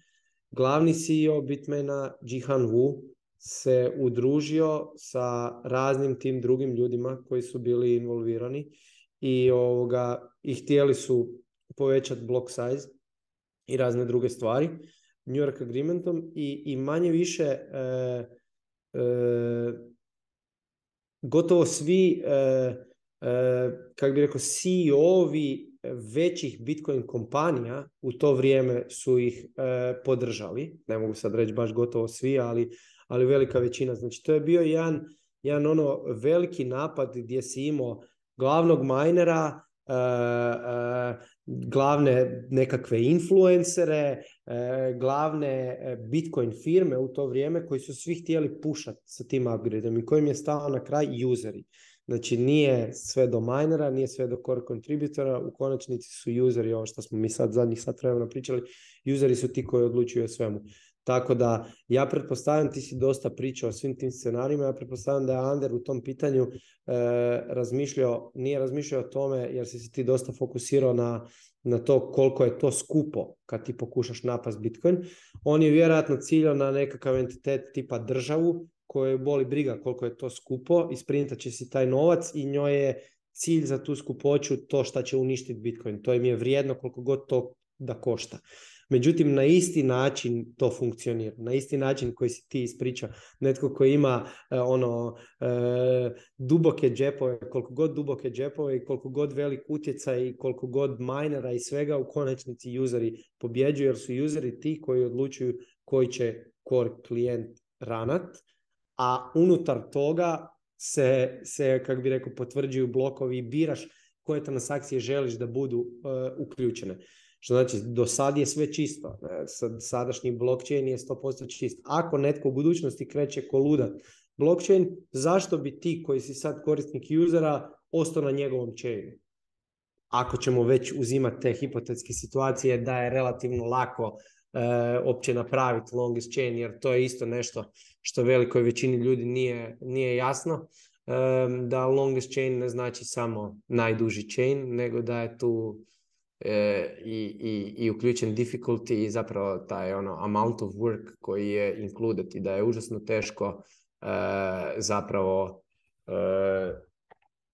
preotet, ajmo reći, Bitcoin na taj način, ali dobro, evo, ispričali smo se dovoljno dugo a, o tome. Pavo mi je dao jako detaljne ovoga, jako detaljne scenarije i opise zašto to ne bi ne može funkcionirati, a ja ću samo reći kog, god to i dalje zanima, nek pročita Block Size War i bit će mu sve jasnije.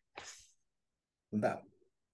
Pa isto jedna, jedna stvar vezana za Block Size War i za, za tu cijelu priču ja recimo, ja ne mislim da su, da su ljudi u Size Waru ono, u tom periodu da su oni išli e, s nekakvom lošom namjerom e, Da. Znači recimo ono, naj, naj, najzanimljiviji, e, na primjer meni je bio najzanimljiviji e, jedan podatak vezano za ovaj BitPay, kad je bio ovaj šta, payment processor za Bitcoin tada. Znači njima se dogodilo to Znači BitPay inače za one koji ne zna, to je bio još uvijek, ja mislim da postoji, ali je malo šiti. Danas je recimo Open Node je puno bolji taj custodial Bitcoin uh, payment uh, procesor uh, gdje ono, možeš platiti u Bitcoinu za neku stvar za, na, ne znam, online, za shop, shopove i tako.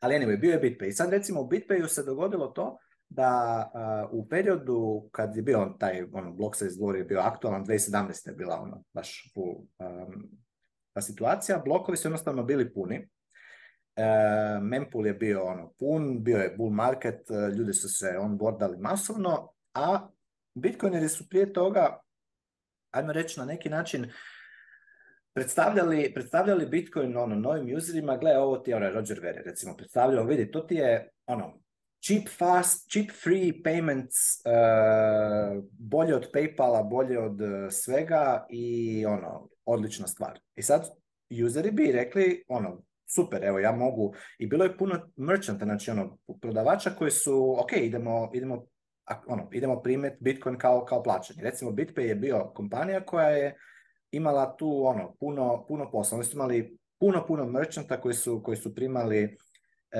Bitcoin kao, kao sredstvo plaćanja. I sad šta se dogodilo?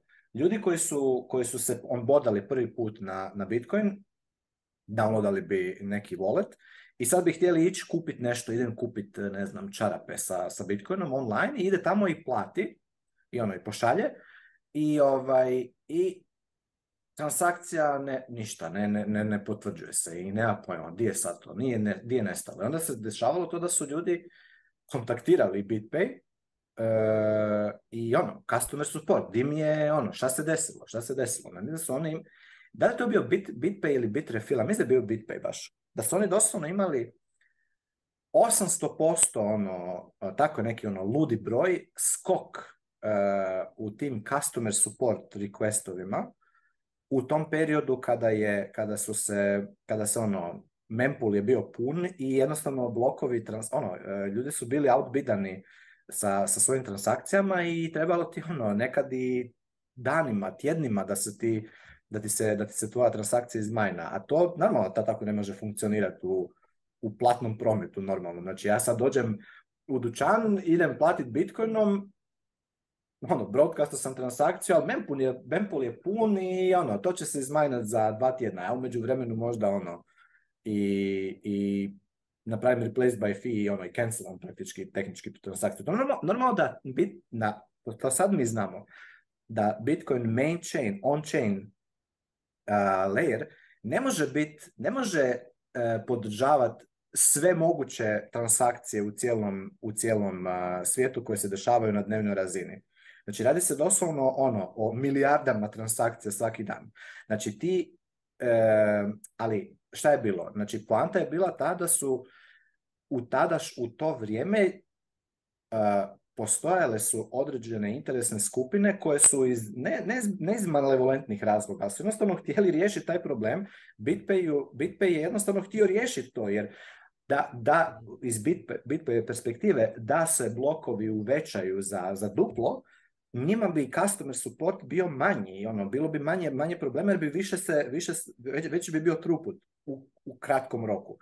To što bi to na dugi rok djelovalo na način da ne bi riješilo fundamentalni problem, jer na kraju neće se nikad moći svi, sve milijarde transakcija i zašto bi se uopće i stavljale na, na blockchain, zašto bi ja Nikica ako sad ide popit kavu u kafić, sad i plati 3 eura kavu, sad to svi nodo, full nodovi na cijelom svijetu moraju ono, re, ono, za vijeke vijekova, ono, zašto, znači, who, cares?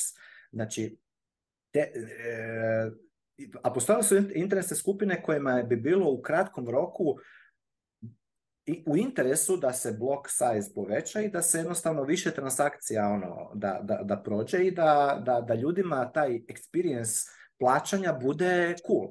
I oni su to sigurno, puno njih iskreno mislili da je to, da je to dobro. To što bi to u dugom roku centraliziralo Bitcoin zato što bi povećalo, znači ovo što sam malo prije pričao, da je pravo osiguranje Bitcoina, taj, ta divergencija između troška mininga i troška verificiranja, jel?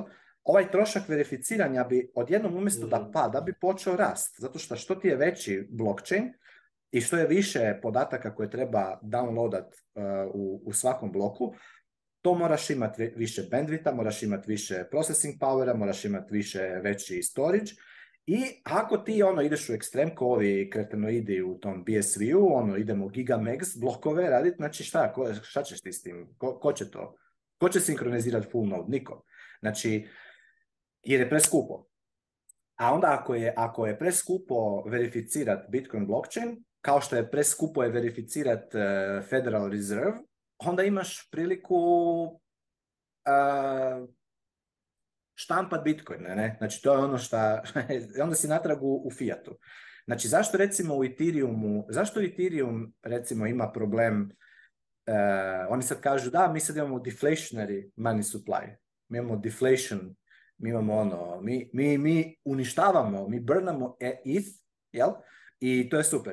Ja ću odmah reći, pa i US dolar burna sad, znači američki dolar kontrahira monetarnu, monetarnu bazu trenutno mislim da je u 11. mjesecu prvi put bilo u, od 80. godina da je M2 money supply je doslovno išao negativno. Znači, je, šta to? Je američki dolar postao ultrasound? Je ETH postao ultrasound? Nije. Jer ono što je, kao što je ETH mogao povećati supply sa hard znači sa, trebalo je biti 100 milijuna ETH-a, sad ih ima 120 i nešto. Znači, ako su mogli to povećati, jednako tako mogu i smanjiti, ali jednako tako sljedeći put opet mogu povećati. Da ćemo mi njima vjerovat. Ja i dalje, ja mislim da su to sve dobri dečki, ono, svi imaju dobre namire i ne mislim ono da su, da je tu nekakav bad faith u cijeloj stvari, odnosno barem želim tako vjerovat, ali ako imam opciju da ne moram vjerovat, nego mogu verificirat i to mogu verificirat vrlo jeftino, jel? I s druge strane moram a ipak moram vjerovati, moram ono na riječ im vjerovat da neće se predomisliti za godinu dana i opet ići inflationary mode, ja ću ići verificirati. Ako nemam opciju, onda ću ići gledat ko je, kom je most trustworthy. Ali čim imaš Bitcoin, imaš tu opciju. Znači, e, vidim da sada Ander opet pita u ovome. E, Vidio sam ja. znači, ono, uh, recimo konkretno za taj Blue Wallet. Zato mi se recimo nekad malo, ne znam te treba ono, što bi rekli, čep, čep, puf, puf, puf. Uh, gase uslugu Blue Wallet. E, da, Kupe sav novac. Znači, zašto odmah treba pretpostavljati da sad e, Blue Wallet ekipa želi uzeti e, novce, pokupiti novac koji je bio Lightning Walletima? Znači, za, znači to je opet možda ni prdež kojega, čim ti razmisliš da, ako, ako im je cilj pokupiti taj, taj Lightning, taj novac koji je bio u custodial uh, walletima, zašto bi to objavili? Znači ono, e, kuriš, je, slažem se. Treba bi ovaj under biti malo pristojniji. Ne, ne treba... To je a, priori, da, a priori negativno. Vidio sam ja to pitanje, e, znači ne, nije. Blue Wallet je, je jednostavno sad, ono, ne, ne može, iz bilo kojih razloga više ne mogu ranat, e, ne isplatim se ranat Custodial Lightning Node. I ovaj, i, i ljudi obavještavaju da skinete, ono, povucite ta sredstva koja imate tamo, stavite ih na neki drugi wallet jer ga oni više neće ranati. Mislim, to je ono mm. legitimno. mislim, ne vidim... Da su mogli to više duže vremena, ne znam koliko su rekli, koliko će dugo... Dali su do, tri, dali su do 34. Pa e... Da, da, mislim da je to sasvim dovoljno. Ono. Znači, malo će se to sada uh, e, proširiti. E, ja sam još prije e, svoju ekipu, sam im, ono, sad ću opet i morat poručiti opet da se, da, da, da ovaj Blue Wallet, mislim Blue Wallet je dobar za on-chain, ali ovaj, taj Lightning dio je bio problematičan i, i Da, i on-chain je non-affected, not affected, zato što, vidiš, o, mislim, ja, ja sam isto par frendova boardu na to, pa sam baš vidio jučer i rekao, ah, sad ću imat posla, ali nisam, za razliku od tebe. A to je ono. dobra prilika da ih opet malo... boarda, da, da, tako je, tako je. Ali da, inače, to je, to je zapravo treća vijest e, koju smo imali za ovaj podcast, to je da je Blue Wallet ukinuo svoj custodial Lightning support. Znači, oni će i dalje imati Lightning Wallet, e, ono što... Ali ćeš ti morat ranat node, Lightning node. Tako, ali ćeš ti morat ranat node. Ono što je zanimljivo kod, kod, e, kod Blue Walleta je da defaultno kad ti otvaraš Lightning Wallet, on se defaultno spaja na na, svoj, na, na, na njihov node, znači defaultno je custodial. Tako da velika većina ljudi koja je koristila uh, Blue Wallet kao svoj Lightning Wallet, e, a nije se s tim previše poigrala, vi i, niste sigurni onda da li ste vi ti koji ste affected ili ne, jeste, jer to bi značilo da ste, na, na da ste spojeni na, njihov node i, i, ovoga, i da, da, koristite custodial e, Lightning Wallet. E, što se tiče Blue ovog on-chain walleta, nema nikakve veze i što se tiče usera koji koriste Blue Wallet, a spavaju se na svoj node, nema isto nikakve veze. Za ovo su dali datum do 30.4. Sad ja sam jučer malo slušao Rabbit Hole Recap i, spomenuli su to, pa mi je bilo zanimljivo to mišljenje od, od Matt Odela. U principu, znači dva dva najveća custodio Lightning Walleta su Wallet of Satoshi i Blue Wallet. E, Blue Wallet sad prestaje s radom, tako da Wallet of Satoshi ostaje najveći. I Met je općenito vrlo kritičan prema tim uh, Lightning walletima, custodio Lightning walletima, jer se sve više i više ljudi onboarda na Lightning. Znači nije više situacija 2017. kad ili, ili ranije kad bi se svi onboardali on-chain. Eh, on, on je spominjao taj Global South, odnosno cijelu tu ono Latinsku Ameriku koja se onboarda na Lightning i koja koristi custodial volete. On veli da tu postoji ogroman rizik od ragpula, s tim da, ono, ragpool znači koristi taj shitcoin termin, s tim da nije rekao da, da, da, da smatra da je velika vjerojatnost da će sam Blue Wallet ili sam Wallet of Satoshi, znači sami ti developeri, odnosno sam ta firma koja, koja je napravila taj wallet, to napraviti svojim userima, nego znači da postoji velika opasnost od heka, da postoji velika opasnost što je njemu najveći zapravo uh, attack vektor od nekog government outreacha, gdje ti u principu uh, vlade mogu ili zabraniti nešto, mislim danas što se dogodilo sve u zadnjih dvije godine, ne moramo previše ni ono spekulirati o tome šta je sve moguće, ali možemo zamisliti vrlo vjerojatno svi tako nekakav, tako nekakav napad i zapravo glavna teza je ta da sve više i više Bitcoina je lokano na Lightningu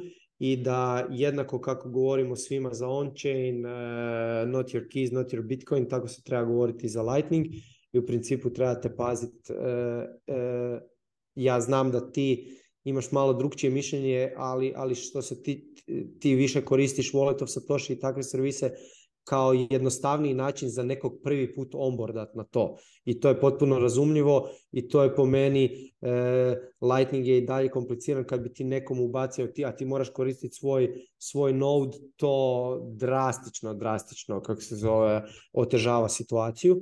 Tako da Eh, custodial walleti su, su i dalje po meni super za, za takve opcije, ali treba biti eh, svjestan toga da ne... I, I sad, zašto sam ja sve to spomenuo? Eh, jer je njegova teza da je Blue Wallet vrlo vjerojatno to napravio zbog toga.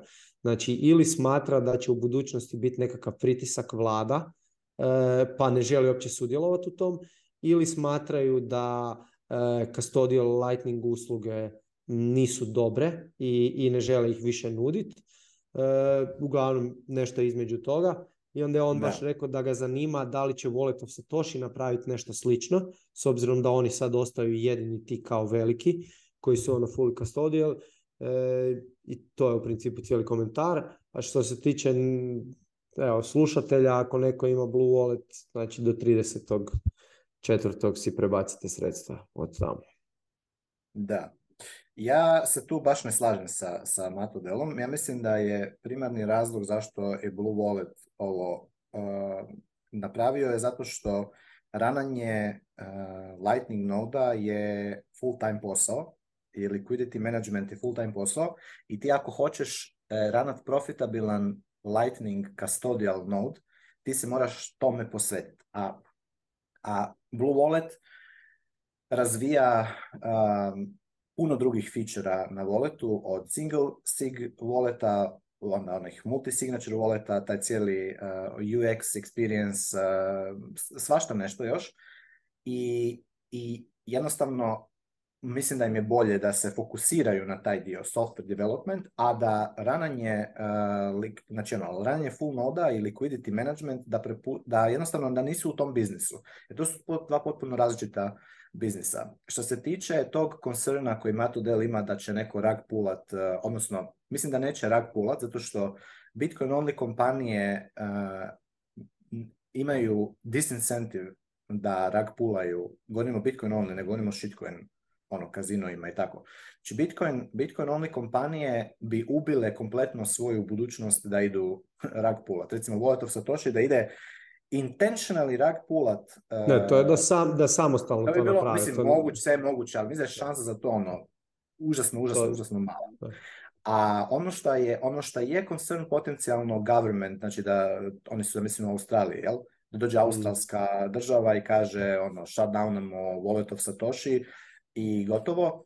To je rizik, međutim, pitanje je onda taj rizik, risk reward za, opet, ako je Volotov Satoshi jedan od, recimo, što kažu Global South, Znači, ljudi koji se onboardaju u Global South su ljudi koji imaju ono par dolara na dan e, prihode. Znači, e, je, da, hoće oni rak pula, odnosno da će australska vlada e, zabraniti uh, Volatov Satoshiju da, da, da, operira i ono zatvoriti Voletov Satoshi foundere i ugasiti im kompaniju a efekt toga će biti da mali iznosi koji ljudi imaju po Africi na, na Vojotok Tošiju, a mogu ono full jednostavno se onboardati i šipat, moguće je, da li je veliki concern, frankly, ja mislim da nije, ali e, moguće je. To je, to je concern. Međutim, mhm. ono što je bitno je isto tako razumjet da, mislim, nisu niti ljudi u, što bi kaže Global South i u Africi, isto od budale. Znači, pa nije da oni ne znaju koja je razlika između custodial i non-custodial i nije da nemaju rješenja. Recimo, Moon Wallet su napravili u Argentini. Upravo zato što zato što ne, vjer, ne, žele imati eh, trusted uh, custodian, eh, a žele opet s druge strane imati što je moguće bliže e, ono, use, korištenju Bitcoina i on-chain za veće transakcije, ali ono u svakodnevnom platnom prometu pa imaju, pa imaju ono taj submarine swaps e, rješenje na, na Lightning walletu. Ono, imaju i Lightning i on-chain e, u, jednom, u jednom walletu, a non-custodial su. Tako da ali zar e. nije zapravo, kod njih oni jesu non-custodial, ali u trenutku kad se dešava taj submarine swap, to bi moralo biti custodial, jer su oni ti koji to rade on će, jel? Znači, u principu, u tom trenutku bi to... Ne, ne, ne, mislim da ti je to, da, se to rješava, to je onaj, kako se zove, sad, ja sam, e, Alex Bosworth. E, Aha, znam, Ne, ne, to je, to je ono, to je protokol, to je to se programatski, automatski dešava. Aha, aha. Submarine swap. Nego je to, eventualno je, bi se moglo reći da je problematično zbog toga e, što ti je fee e, veći. Ti moraš na hmm. svakom e, lightning paymentu praktički platiti oni stave minimalni, minimalni fee, ono, one satoshi per byte, ali ti opet za recimo, ne znam, 100 eura u Lightningu poslat ćeš opet platiti kao da, kao da ideš slat on chain sa minimalnim fee Kužiš. Tako da, a da će se opet naći, opet ti, to je isto meni neka, neka na živce neki, neki bitcoineri, da, da, da, ali to je onda overpay for fee. Ali opet, s čime ti to uspoređuješ? Overpay for fee. Ko prvo, nema overpay. Znači, ta ideja da ćeš nešto ti besplatno, to si ljudi trebaju izbrisati svog, iz svoje glave. Nema besplatno. Što znači besplatno? Besplatno ako ti, e, to ti je for free, je, for free ti je, ali si ti platio na nekom drugom mjestu. Znači ti možeš napraviti onda uh, wallet gdje je ono no fee, tako recimo Binance ima. Binance Pay je zero fee, jel? No fee. Možeš platiti instantno no fee. Ali fee, znači koliko tebe košta koristiti Binance Pay, by the way, najveći taj global south adoption rate je Binance. Znači, Binance, I zato što Binance ima sve... Cijela Venezuela, sve, da. Da, pa to, to se tamo koristi kao sredstvo plaćanja. Prva stvar zato što se mogu dolarizirati s tim. Znači, ono, evo ti pa pričali smo u Lebanonu, uh, je sad tamo, ono, oni su imali hiperinflaciju, ali, gle, znači, za digitalno, znači oni, su dolarizirali sad praktički kompletnu ekonomiju. Fizičke dolare, dolarima se plaća u, u, u Lebanonu ali elektroničkim putem plaćati u dolarima, Binance. Binance je ono, eh, vrhunski radi, funkcionira, trade-off je to da imaš custodial veliki, ono, eh, i možete Rizik je tu da te može shutdown, možete cenzurirati. Nije censorship resistant, jel? Mislim, koliko se može CZ boriti sa i ono, raditi regulatornu arbitražu, toliko si censorship resistant. Nisi na protokol razini censorship resistant. Ali, ali ljudi to koriste jer im trebaju dolari, odnosno tako žele, trebaju im dolari jer, im lokalna valuta je ono još gori turska lira ono, e, je 70-80% inflacija godišnje. Onda ljudi idu u dolare.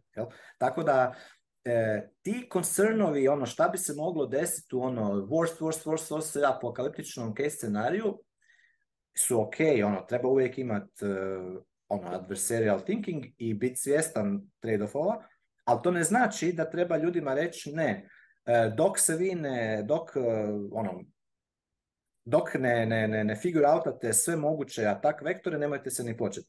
Ja sam skloni, to samo moj stil, ja sam skloni ljudima reći ne, počnite koristiti Bitcoin, odite all in u Bitcoin, s time da po meni je veći rizik ljudima njihov finance, financijsko e, stanje, njihovo općenito vještina upravljanja financijama je puno veći rizik s time kako će ući u Bitcoin i šta će s njim raditi, nego rizik da li, je, da li se on borda, da li drži na wallet of Satoshi previše 5000 dolara, recimo drži na wallet of Satoshi, ja mislim da je to sasvim comfortable i mislim da je to uopće nije, nije nekakav, e, nije, nije neki e, strašan grč ili da će na Binance držati jako puno. Ja mislim da su to manji, manji faktori, manji su rizici, nego recimo uletit uh, u Bitcoin i onda se ovaj uh, prezaletit recimo u bull marketu 2021.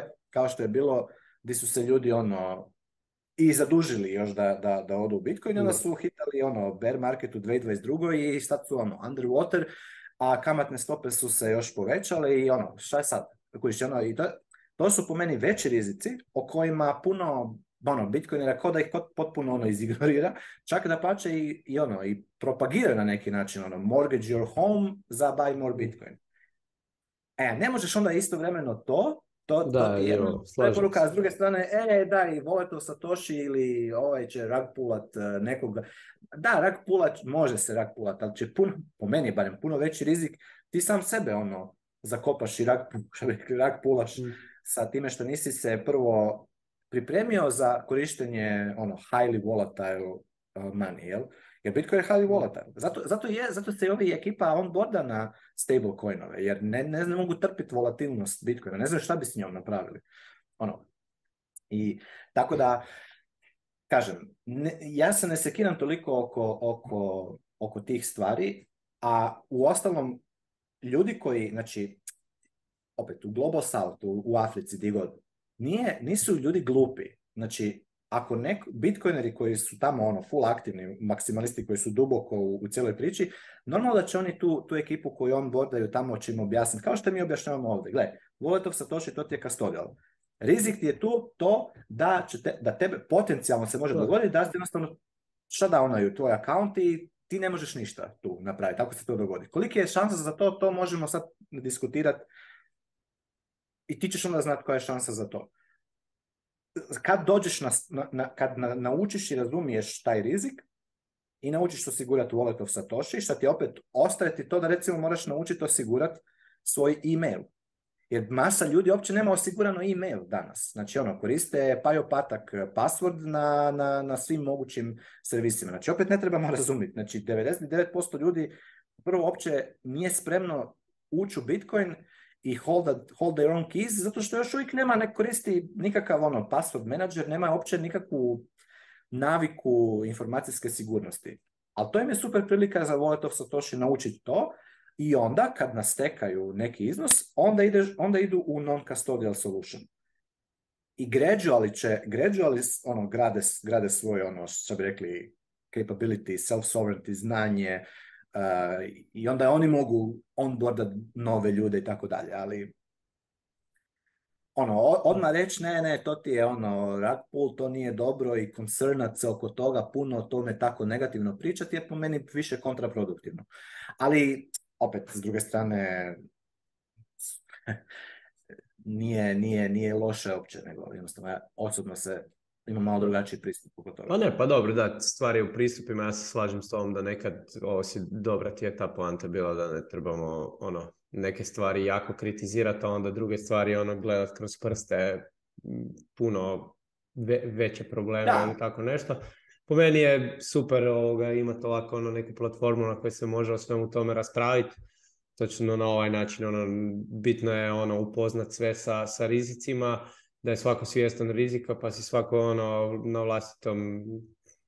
Pa da, a mi pričamo o malim ono. iznosima. Ti ako sjediš na nekoj kavi, e, na meetupu i ono, i sad će se 50 ljudi ono, downloadat će Satoshi i ono 5 eura, 10 eura exchange pa mislim... Da, jasno i nećeš ga, nećeš ga tjerat da... A je, ja sam isto, baš sam imao priliku prije par dana, ono sam jednom frendu, isto mi je nešto ono pričao kak je sporo i to, onda sam mu baš sam mu rekao skini wallet, to se toši obavili smo to eh. doslovno u dvije minute. Ono, I onda ubije, ubiješ mu cijelu ono... Da, ono, šta, dvije riječi su sad, ja mislim, staviš mail, dođu ti dvije riječi na mail, ono, tako e, nešto. E, pa super.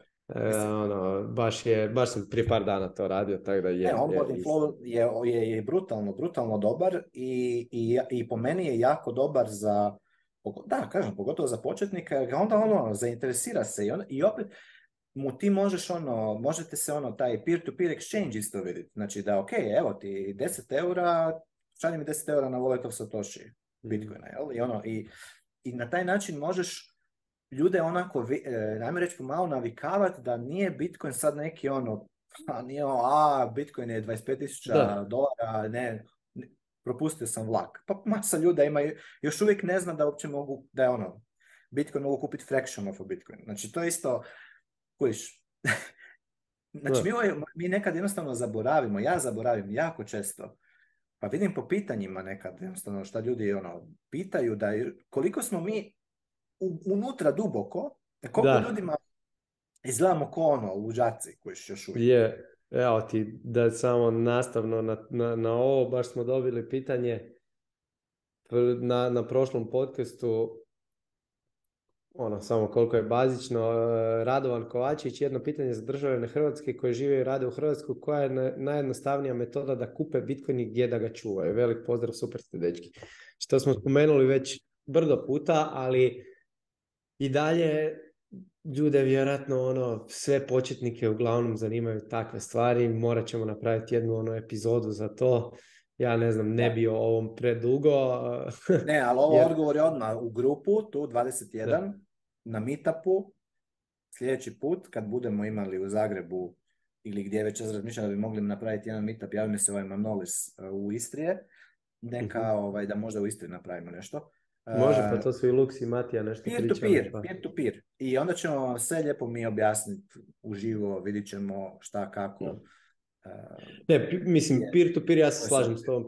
mislim, treba, ajde, o voletima nećemo pričati, ali smo o voletima puno puta pričali. E, čisto ovo gdje da kupiš. Znači, gdje da kupiš je vrlo jednostavno po meni. Znači, trebaš biti, trebaš samo odlučiti e, da li se želiš KYC-at ili se ne želiš KYC-at. Ako se pod nikoj, nikojim slučajem ne želiš KYC-at, onda je najbolje peer-to-peer. U svakom slučaju je najbolje peer-to-peer, ali s obzirom da si vrlo vjerojatno početnik, nemaš pirova. ne znaš od kog bi kupio, ne znaš ko ima biti. ima, ima, 21, grupa, 21 grupa ti je super e, ovoga, e, opcija za tako nešto. Vrlo vjerojatno ima netko ko bi ti volio prodati ili neki od sljedećih meetupa. A ako samo tražiš najjednostavniji način za kupiti Bitcoin i ne zanima te ni KYC ni ništa, nego samo želiš get off zero i što prije dobiti Bitcoin, e, s obzirom da smo sad, e, Hrvatska ima euro, znači nismo više u kunama, e, opcije koje su ti dostupne su iste opcije koje su dostupne velikoj većini ljudi na svijetu, znači neki od većih exchangeva, exchangeovi se razlikuju, znači burz, neko od većih burzi, te burze se razlikuju po, po, po svojim naknadama koje su generalno zanemarive, eh, ali možeš si pogledati, neke od tih su ti, ne znam, Bitstep, Binance, eh, Coinbase, Kraken, eh, i, i, i, i hrpe tih drugih. I to je vrlo vjerojatno ono, pitanje je početničko, pretpostavljam da, da da se samo želiš ono maknuti s nule i, i kupiti neki svoj prvi Bitcoin, po meni da, je Hrvatskoj je još uvijek e, vjerojatno naj, najbrže preko ove dvije Bitcoin mjenjačnica, e, bitcoin e, i bitcoin crtica store.hr, store je. S time da je Bitcoin Store je custodial exchange, gdje oni drže mm. Bitcoin za tebe, a onda ti možeš povući, a Bitcoin menjačnica je samo broker, gdje ti pošalješ eure, sad eure, a oni ti pošalju Bitcoin, znači za Bitcoin mjenjačica već moraš napraviti e, Bitcoin wallet prvo i naučiti kako napraviti Bitcoin transakciju. I ne znam da li ima još koja, nema tu kod nas. E, ovo što ste spomenuo, te velike, od njih najveći je Binance i ono, naj, najveći.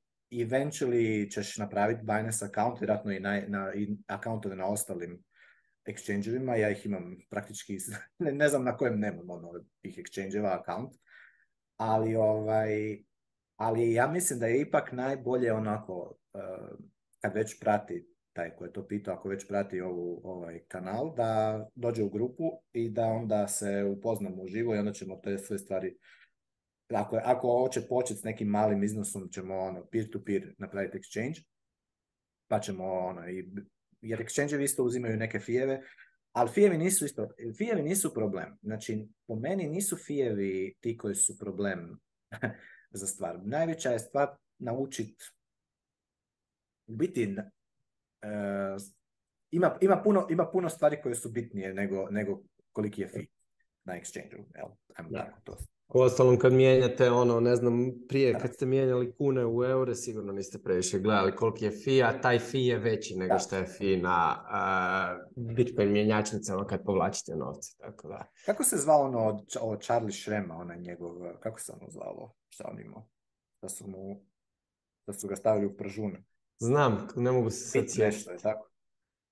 Da, ne mogu se sad sjetiti. Cijelo vrijeme shape u glavi, ali ShapeShift nije ShapeShift, je Derek Warhis, to je došlo kasnije, ne mogu se sjetiti sa Charlie Ne, sjećam se, Charlie, mislim sjećam, ne sjećam se to, nego sjećam se da je neko komentirao, Piero Shard je komentirao ono, da je on kupovao preko tog Charlie Shrema 10% mm. ono, eh, exchange fee je bio na, na Ali, kupuješ Bitcoin. A ima i sad tih opcija, ima BISK, ali BISK definitivno nije za početnike, tako da ga ja nisam htio ni spominjati ali na Bisku je slično. Pitch, mm. one kako se zove, ne? Pitch aplikacija, to je isto sada E, Pitch to nisam, da. To, to... Bilo je ona, ja sam koristio onaj Get Bitter, to sam ja isto par puta tu spomenuo, to, to je onaj Ruber, Ruber, mislim da je on čak u Bitcoin Illustration onoj grupi. On je, on je u Nizozemskoj bio, da, ima, tak da, ima, ima opcija, ali velim, ako je, ono, ako si neki, ono, početnik koji se samo želi, želi što pod hitno napraviti, maknuti se s nule, onda evo, da, ovo ti je najjednostavnije. Zavisi šta želiš, da, zato nema što... želi prodat uh, stan i staviti e, e. uh, 10.000 eura u Bitcoin. Da. da i to treba napraviti. To ćemo isto morat uh, naučiti kako, kako to, takve situacije handlati. Da, vidiš, zapravo je nama dobro da, da mi nismo ni krenuli ovoga snimat te, te početničke videe za sad, jer jer ono nije ni tak jednostavno ovo pitanje samo koje je zapravo vrlo jednostavno jer, jer moraš pokriti dosta scenarija ono od toga da, šta je, hoćeš, hoćeš kupiti ono za 10 eura ili ne znam, imaš neki značajan iznos koji želiš staviti, pa tako, ima opcija, pa gdje ćeš to spremati. E, da, da. Budemo, budemo.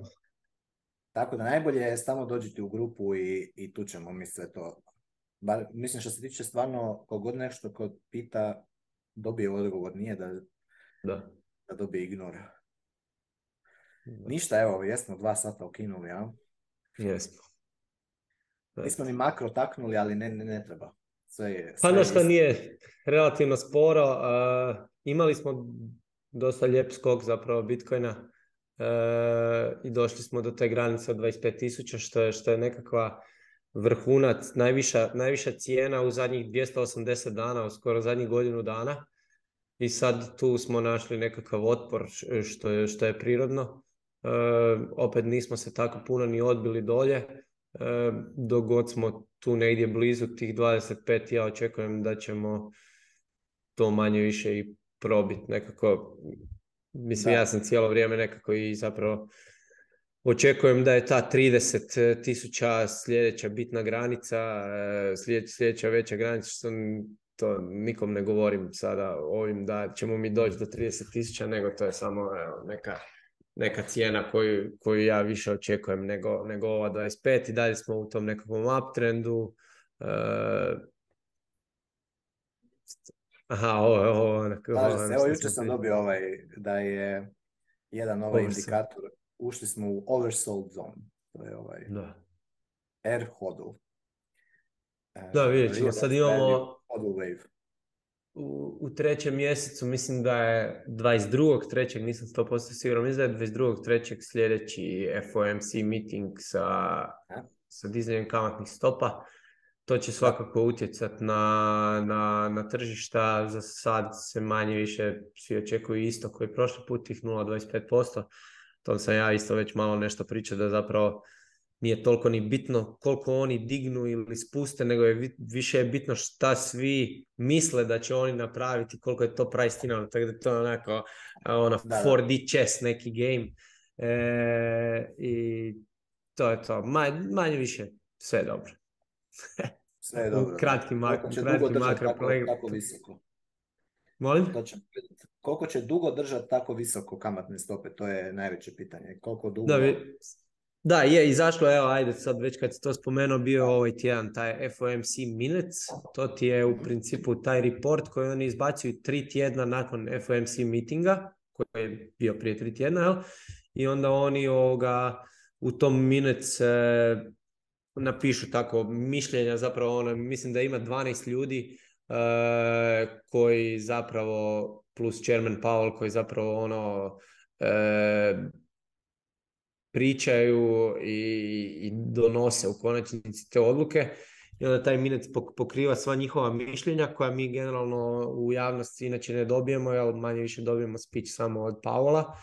E, i, i, I vezano za taj minec je izašao isto report da u principu ne bi trebalo biti e, e taperinga ove godine, odnosno da neće, da neće e, snižavati kamatne stope. Sad, ovo što si ti pitao, pa koliko će dugo rast, to se ne zna, ne znam, imao sam to na, na Twitteru tu neku sliku, ali sad nisam pripremio, pa mi se ne da ni, ni, ni tražiti, ali ono u principu nekakvo očekivanje je e, još dva, tri dizanja, onda flat, znači nekakva nula neko vrijeme, i onda je sad po njima do kraja ove godine neće biti tog minusa, znači spuštanja, ali su dali nekakvu šansu od, ako se ja sjećam sa tog grafa koji sam vidio, to te tablice, da bi oko 4% šanse daju da bi u 12. mjesecu moglo biti. Ali predaleko, predaleko smo od toga, nismo još ni, ni drugi mjesec završili, to će se sve mijenjati. Eh, i ja rađe ovoga pričamo ono, o stvarima koje su nam u puno bližoj budućnosti nego sad šta će se potencijalno dogoditi krajem godine, ali to više kad dođemo do kraja godine neće biti relevantno. Eto, tako da, to je to.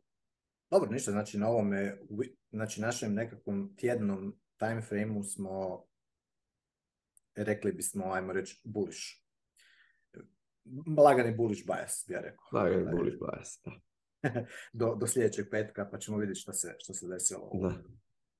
Ali da, definitivno, još samo da spomenem, e, i dalje smo ispod 200 tjednog moving average-a. Malo smo ispod. E, tako da, mislim da je moving average 25, 25.100, tako nešto. Uh, taj četverogodišnji. Tako da, e, nema boljeg nego Olina tu Bitcoin sad. A, a ovo pa, drugo, tako je. šta tako se u svijetu, vidit ćemo. Vidit ćemo šta će Fed. To jest vidit ćemo, vidit ćemo kako, da, ćemo, da će ekonomija istrpiti. Velika jedna stvar je u šestom mjesecu je ovaj američki taj moraju do šestog mjeseca riješiti onaj njihov dead, dead ceiling. Dead ceiling, da. Pa mislim, da, da, ja to ne znam, ja bi stvarno bio šokiran da se to ne da. podigne, to je, ja, ja mislim da je to stvarno... Kaže da bankrotira Amerika. Ne, ne, mislim, ne. Da ne, ne postoji po meni druga, drugi način da se to riješi, osim da oni dignu to za koliko god trebaju dići. Ne vidiš uopće šansu da tipa ne, nećemo dignuti dead ceiling, jednostavno ćemo otpustiti 20% e, ono, ono E, američki. to sad e, ti, ti igraš devil's, e, devil's advocate, da će država pustiti 20% pa, ne znam, svojih ono, ovaj, Smanjit će social security i Medicare, Medicaid i, i, i jednostavno će se ono... Ma ne, mislim... malo kajš, ne? Mm, Nemo, Mislim da se nalazimo, ono, to smo par puta spomenuli, u vrlo, vrlo zanimljivom periodu od sljedeće dvije godine. Znači imamo sad to dizanje. Znači prvo smo ova sva sranja koja smo, koja smo prošli. Onda sad oni e, dižu te kamatne stope. U šestom mjesecu e, potencijalno će Amerika bankrotirati, iako svi znamo da neće Amerika bankrotirati. Onda imamo, e, kako se zove, midterm elections i predsjedničke, to ove, ne midterm, nego da, predsjedničke izbore 2024. godine prije, prije toga, a zapravo kreće već kao kampanja krajem ove godine i onda u sredini još sljedeće godine imamo, imamo Bitcoin halving. Tako da ko može sve to e, nekako sebi u glavi izvrtiti kako će se dogoditi i upariti sa cijenom svaka mu čast. Ovoga, svi imamo, imamo nekakva mišljenja o tome. E, užasno teško će to biti pogoditi, ali e, e ono, na, nalazimo se, odnosno Bitcoin je, Bitcoin je ono, na vrlo dobrim temeljima, tako da ne treba previše strahovati. I, ovoga, i mislim da će, da će sve to Mislim, sve, te stvari biti generalno... Da. Samo je Ma, TikTok, je next block. Blokovi dolaze i to je ono što je stabilno. Da. Ali sve, sve, sve to je, sve te stvari bi generalno onako, trebala biti nekako buliš. Dobro, ništa, ovaj, možemo onda uh, privest kraju. Hvala malo epizodu. Uh, imaš neku poruku za, za, za, za ljude? Pa, ono, stay humble i stay accept. da kopiramo kod, kod met, metodela, ništa, da. da. Pozdrav, pozdrav. Pozdrav svima. Čujemo se.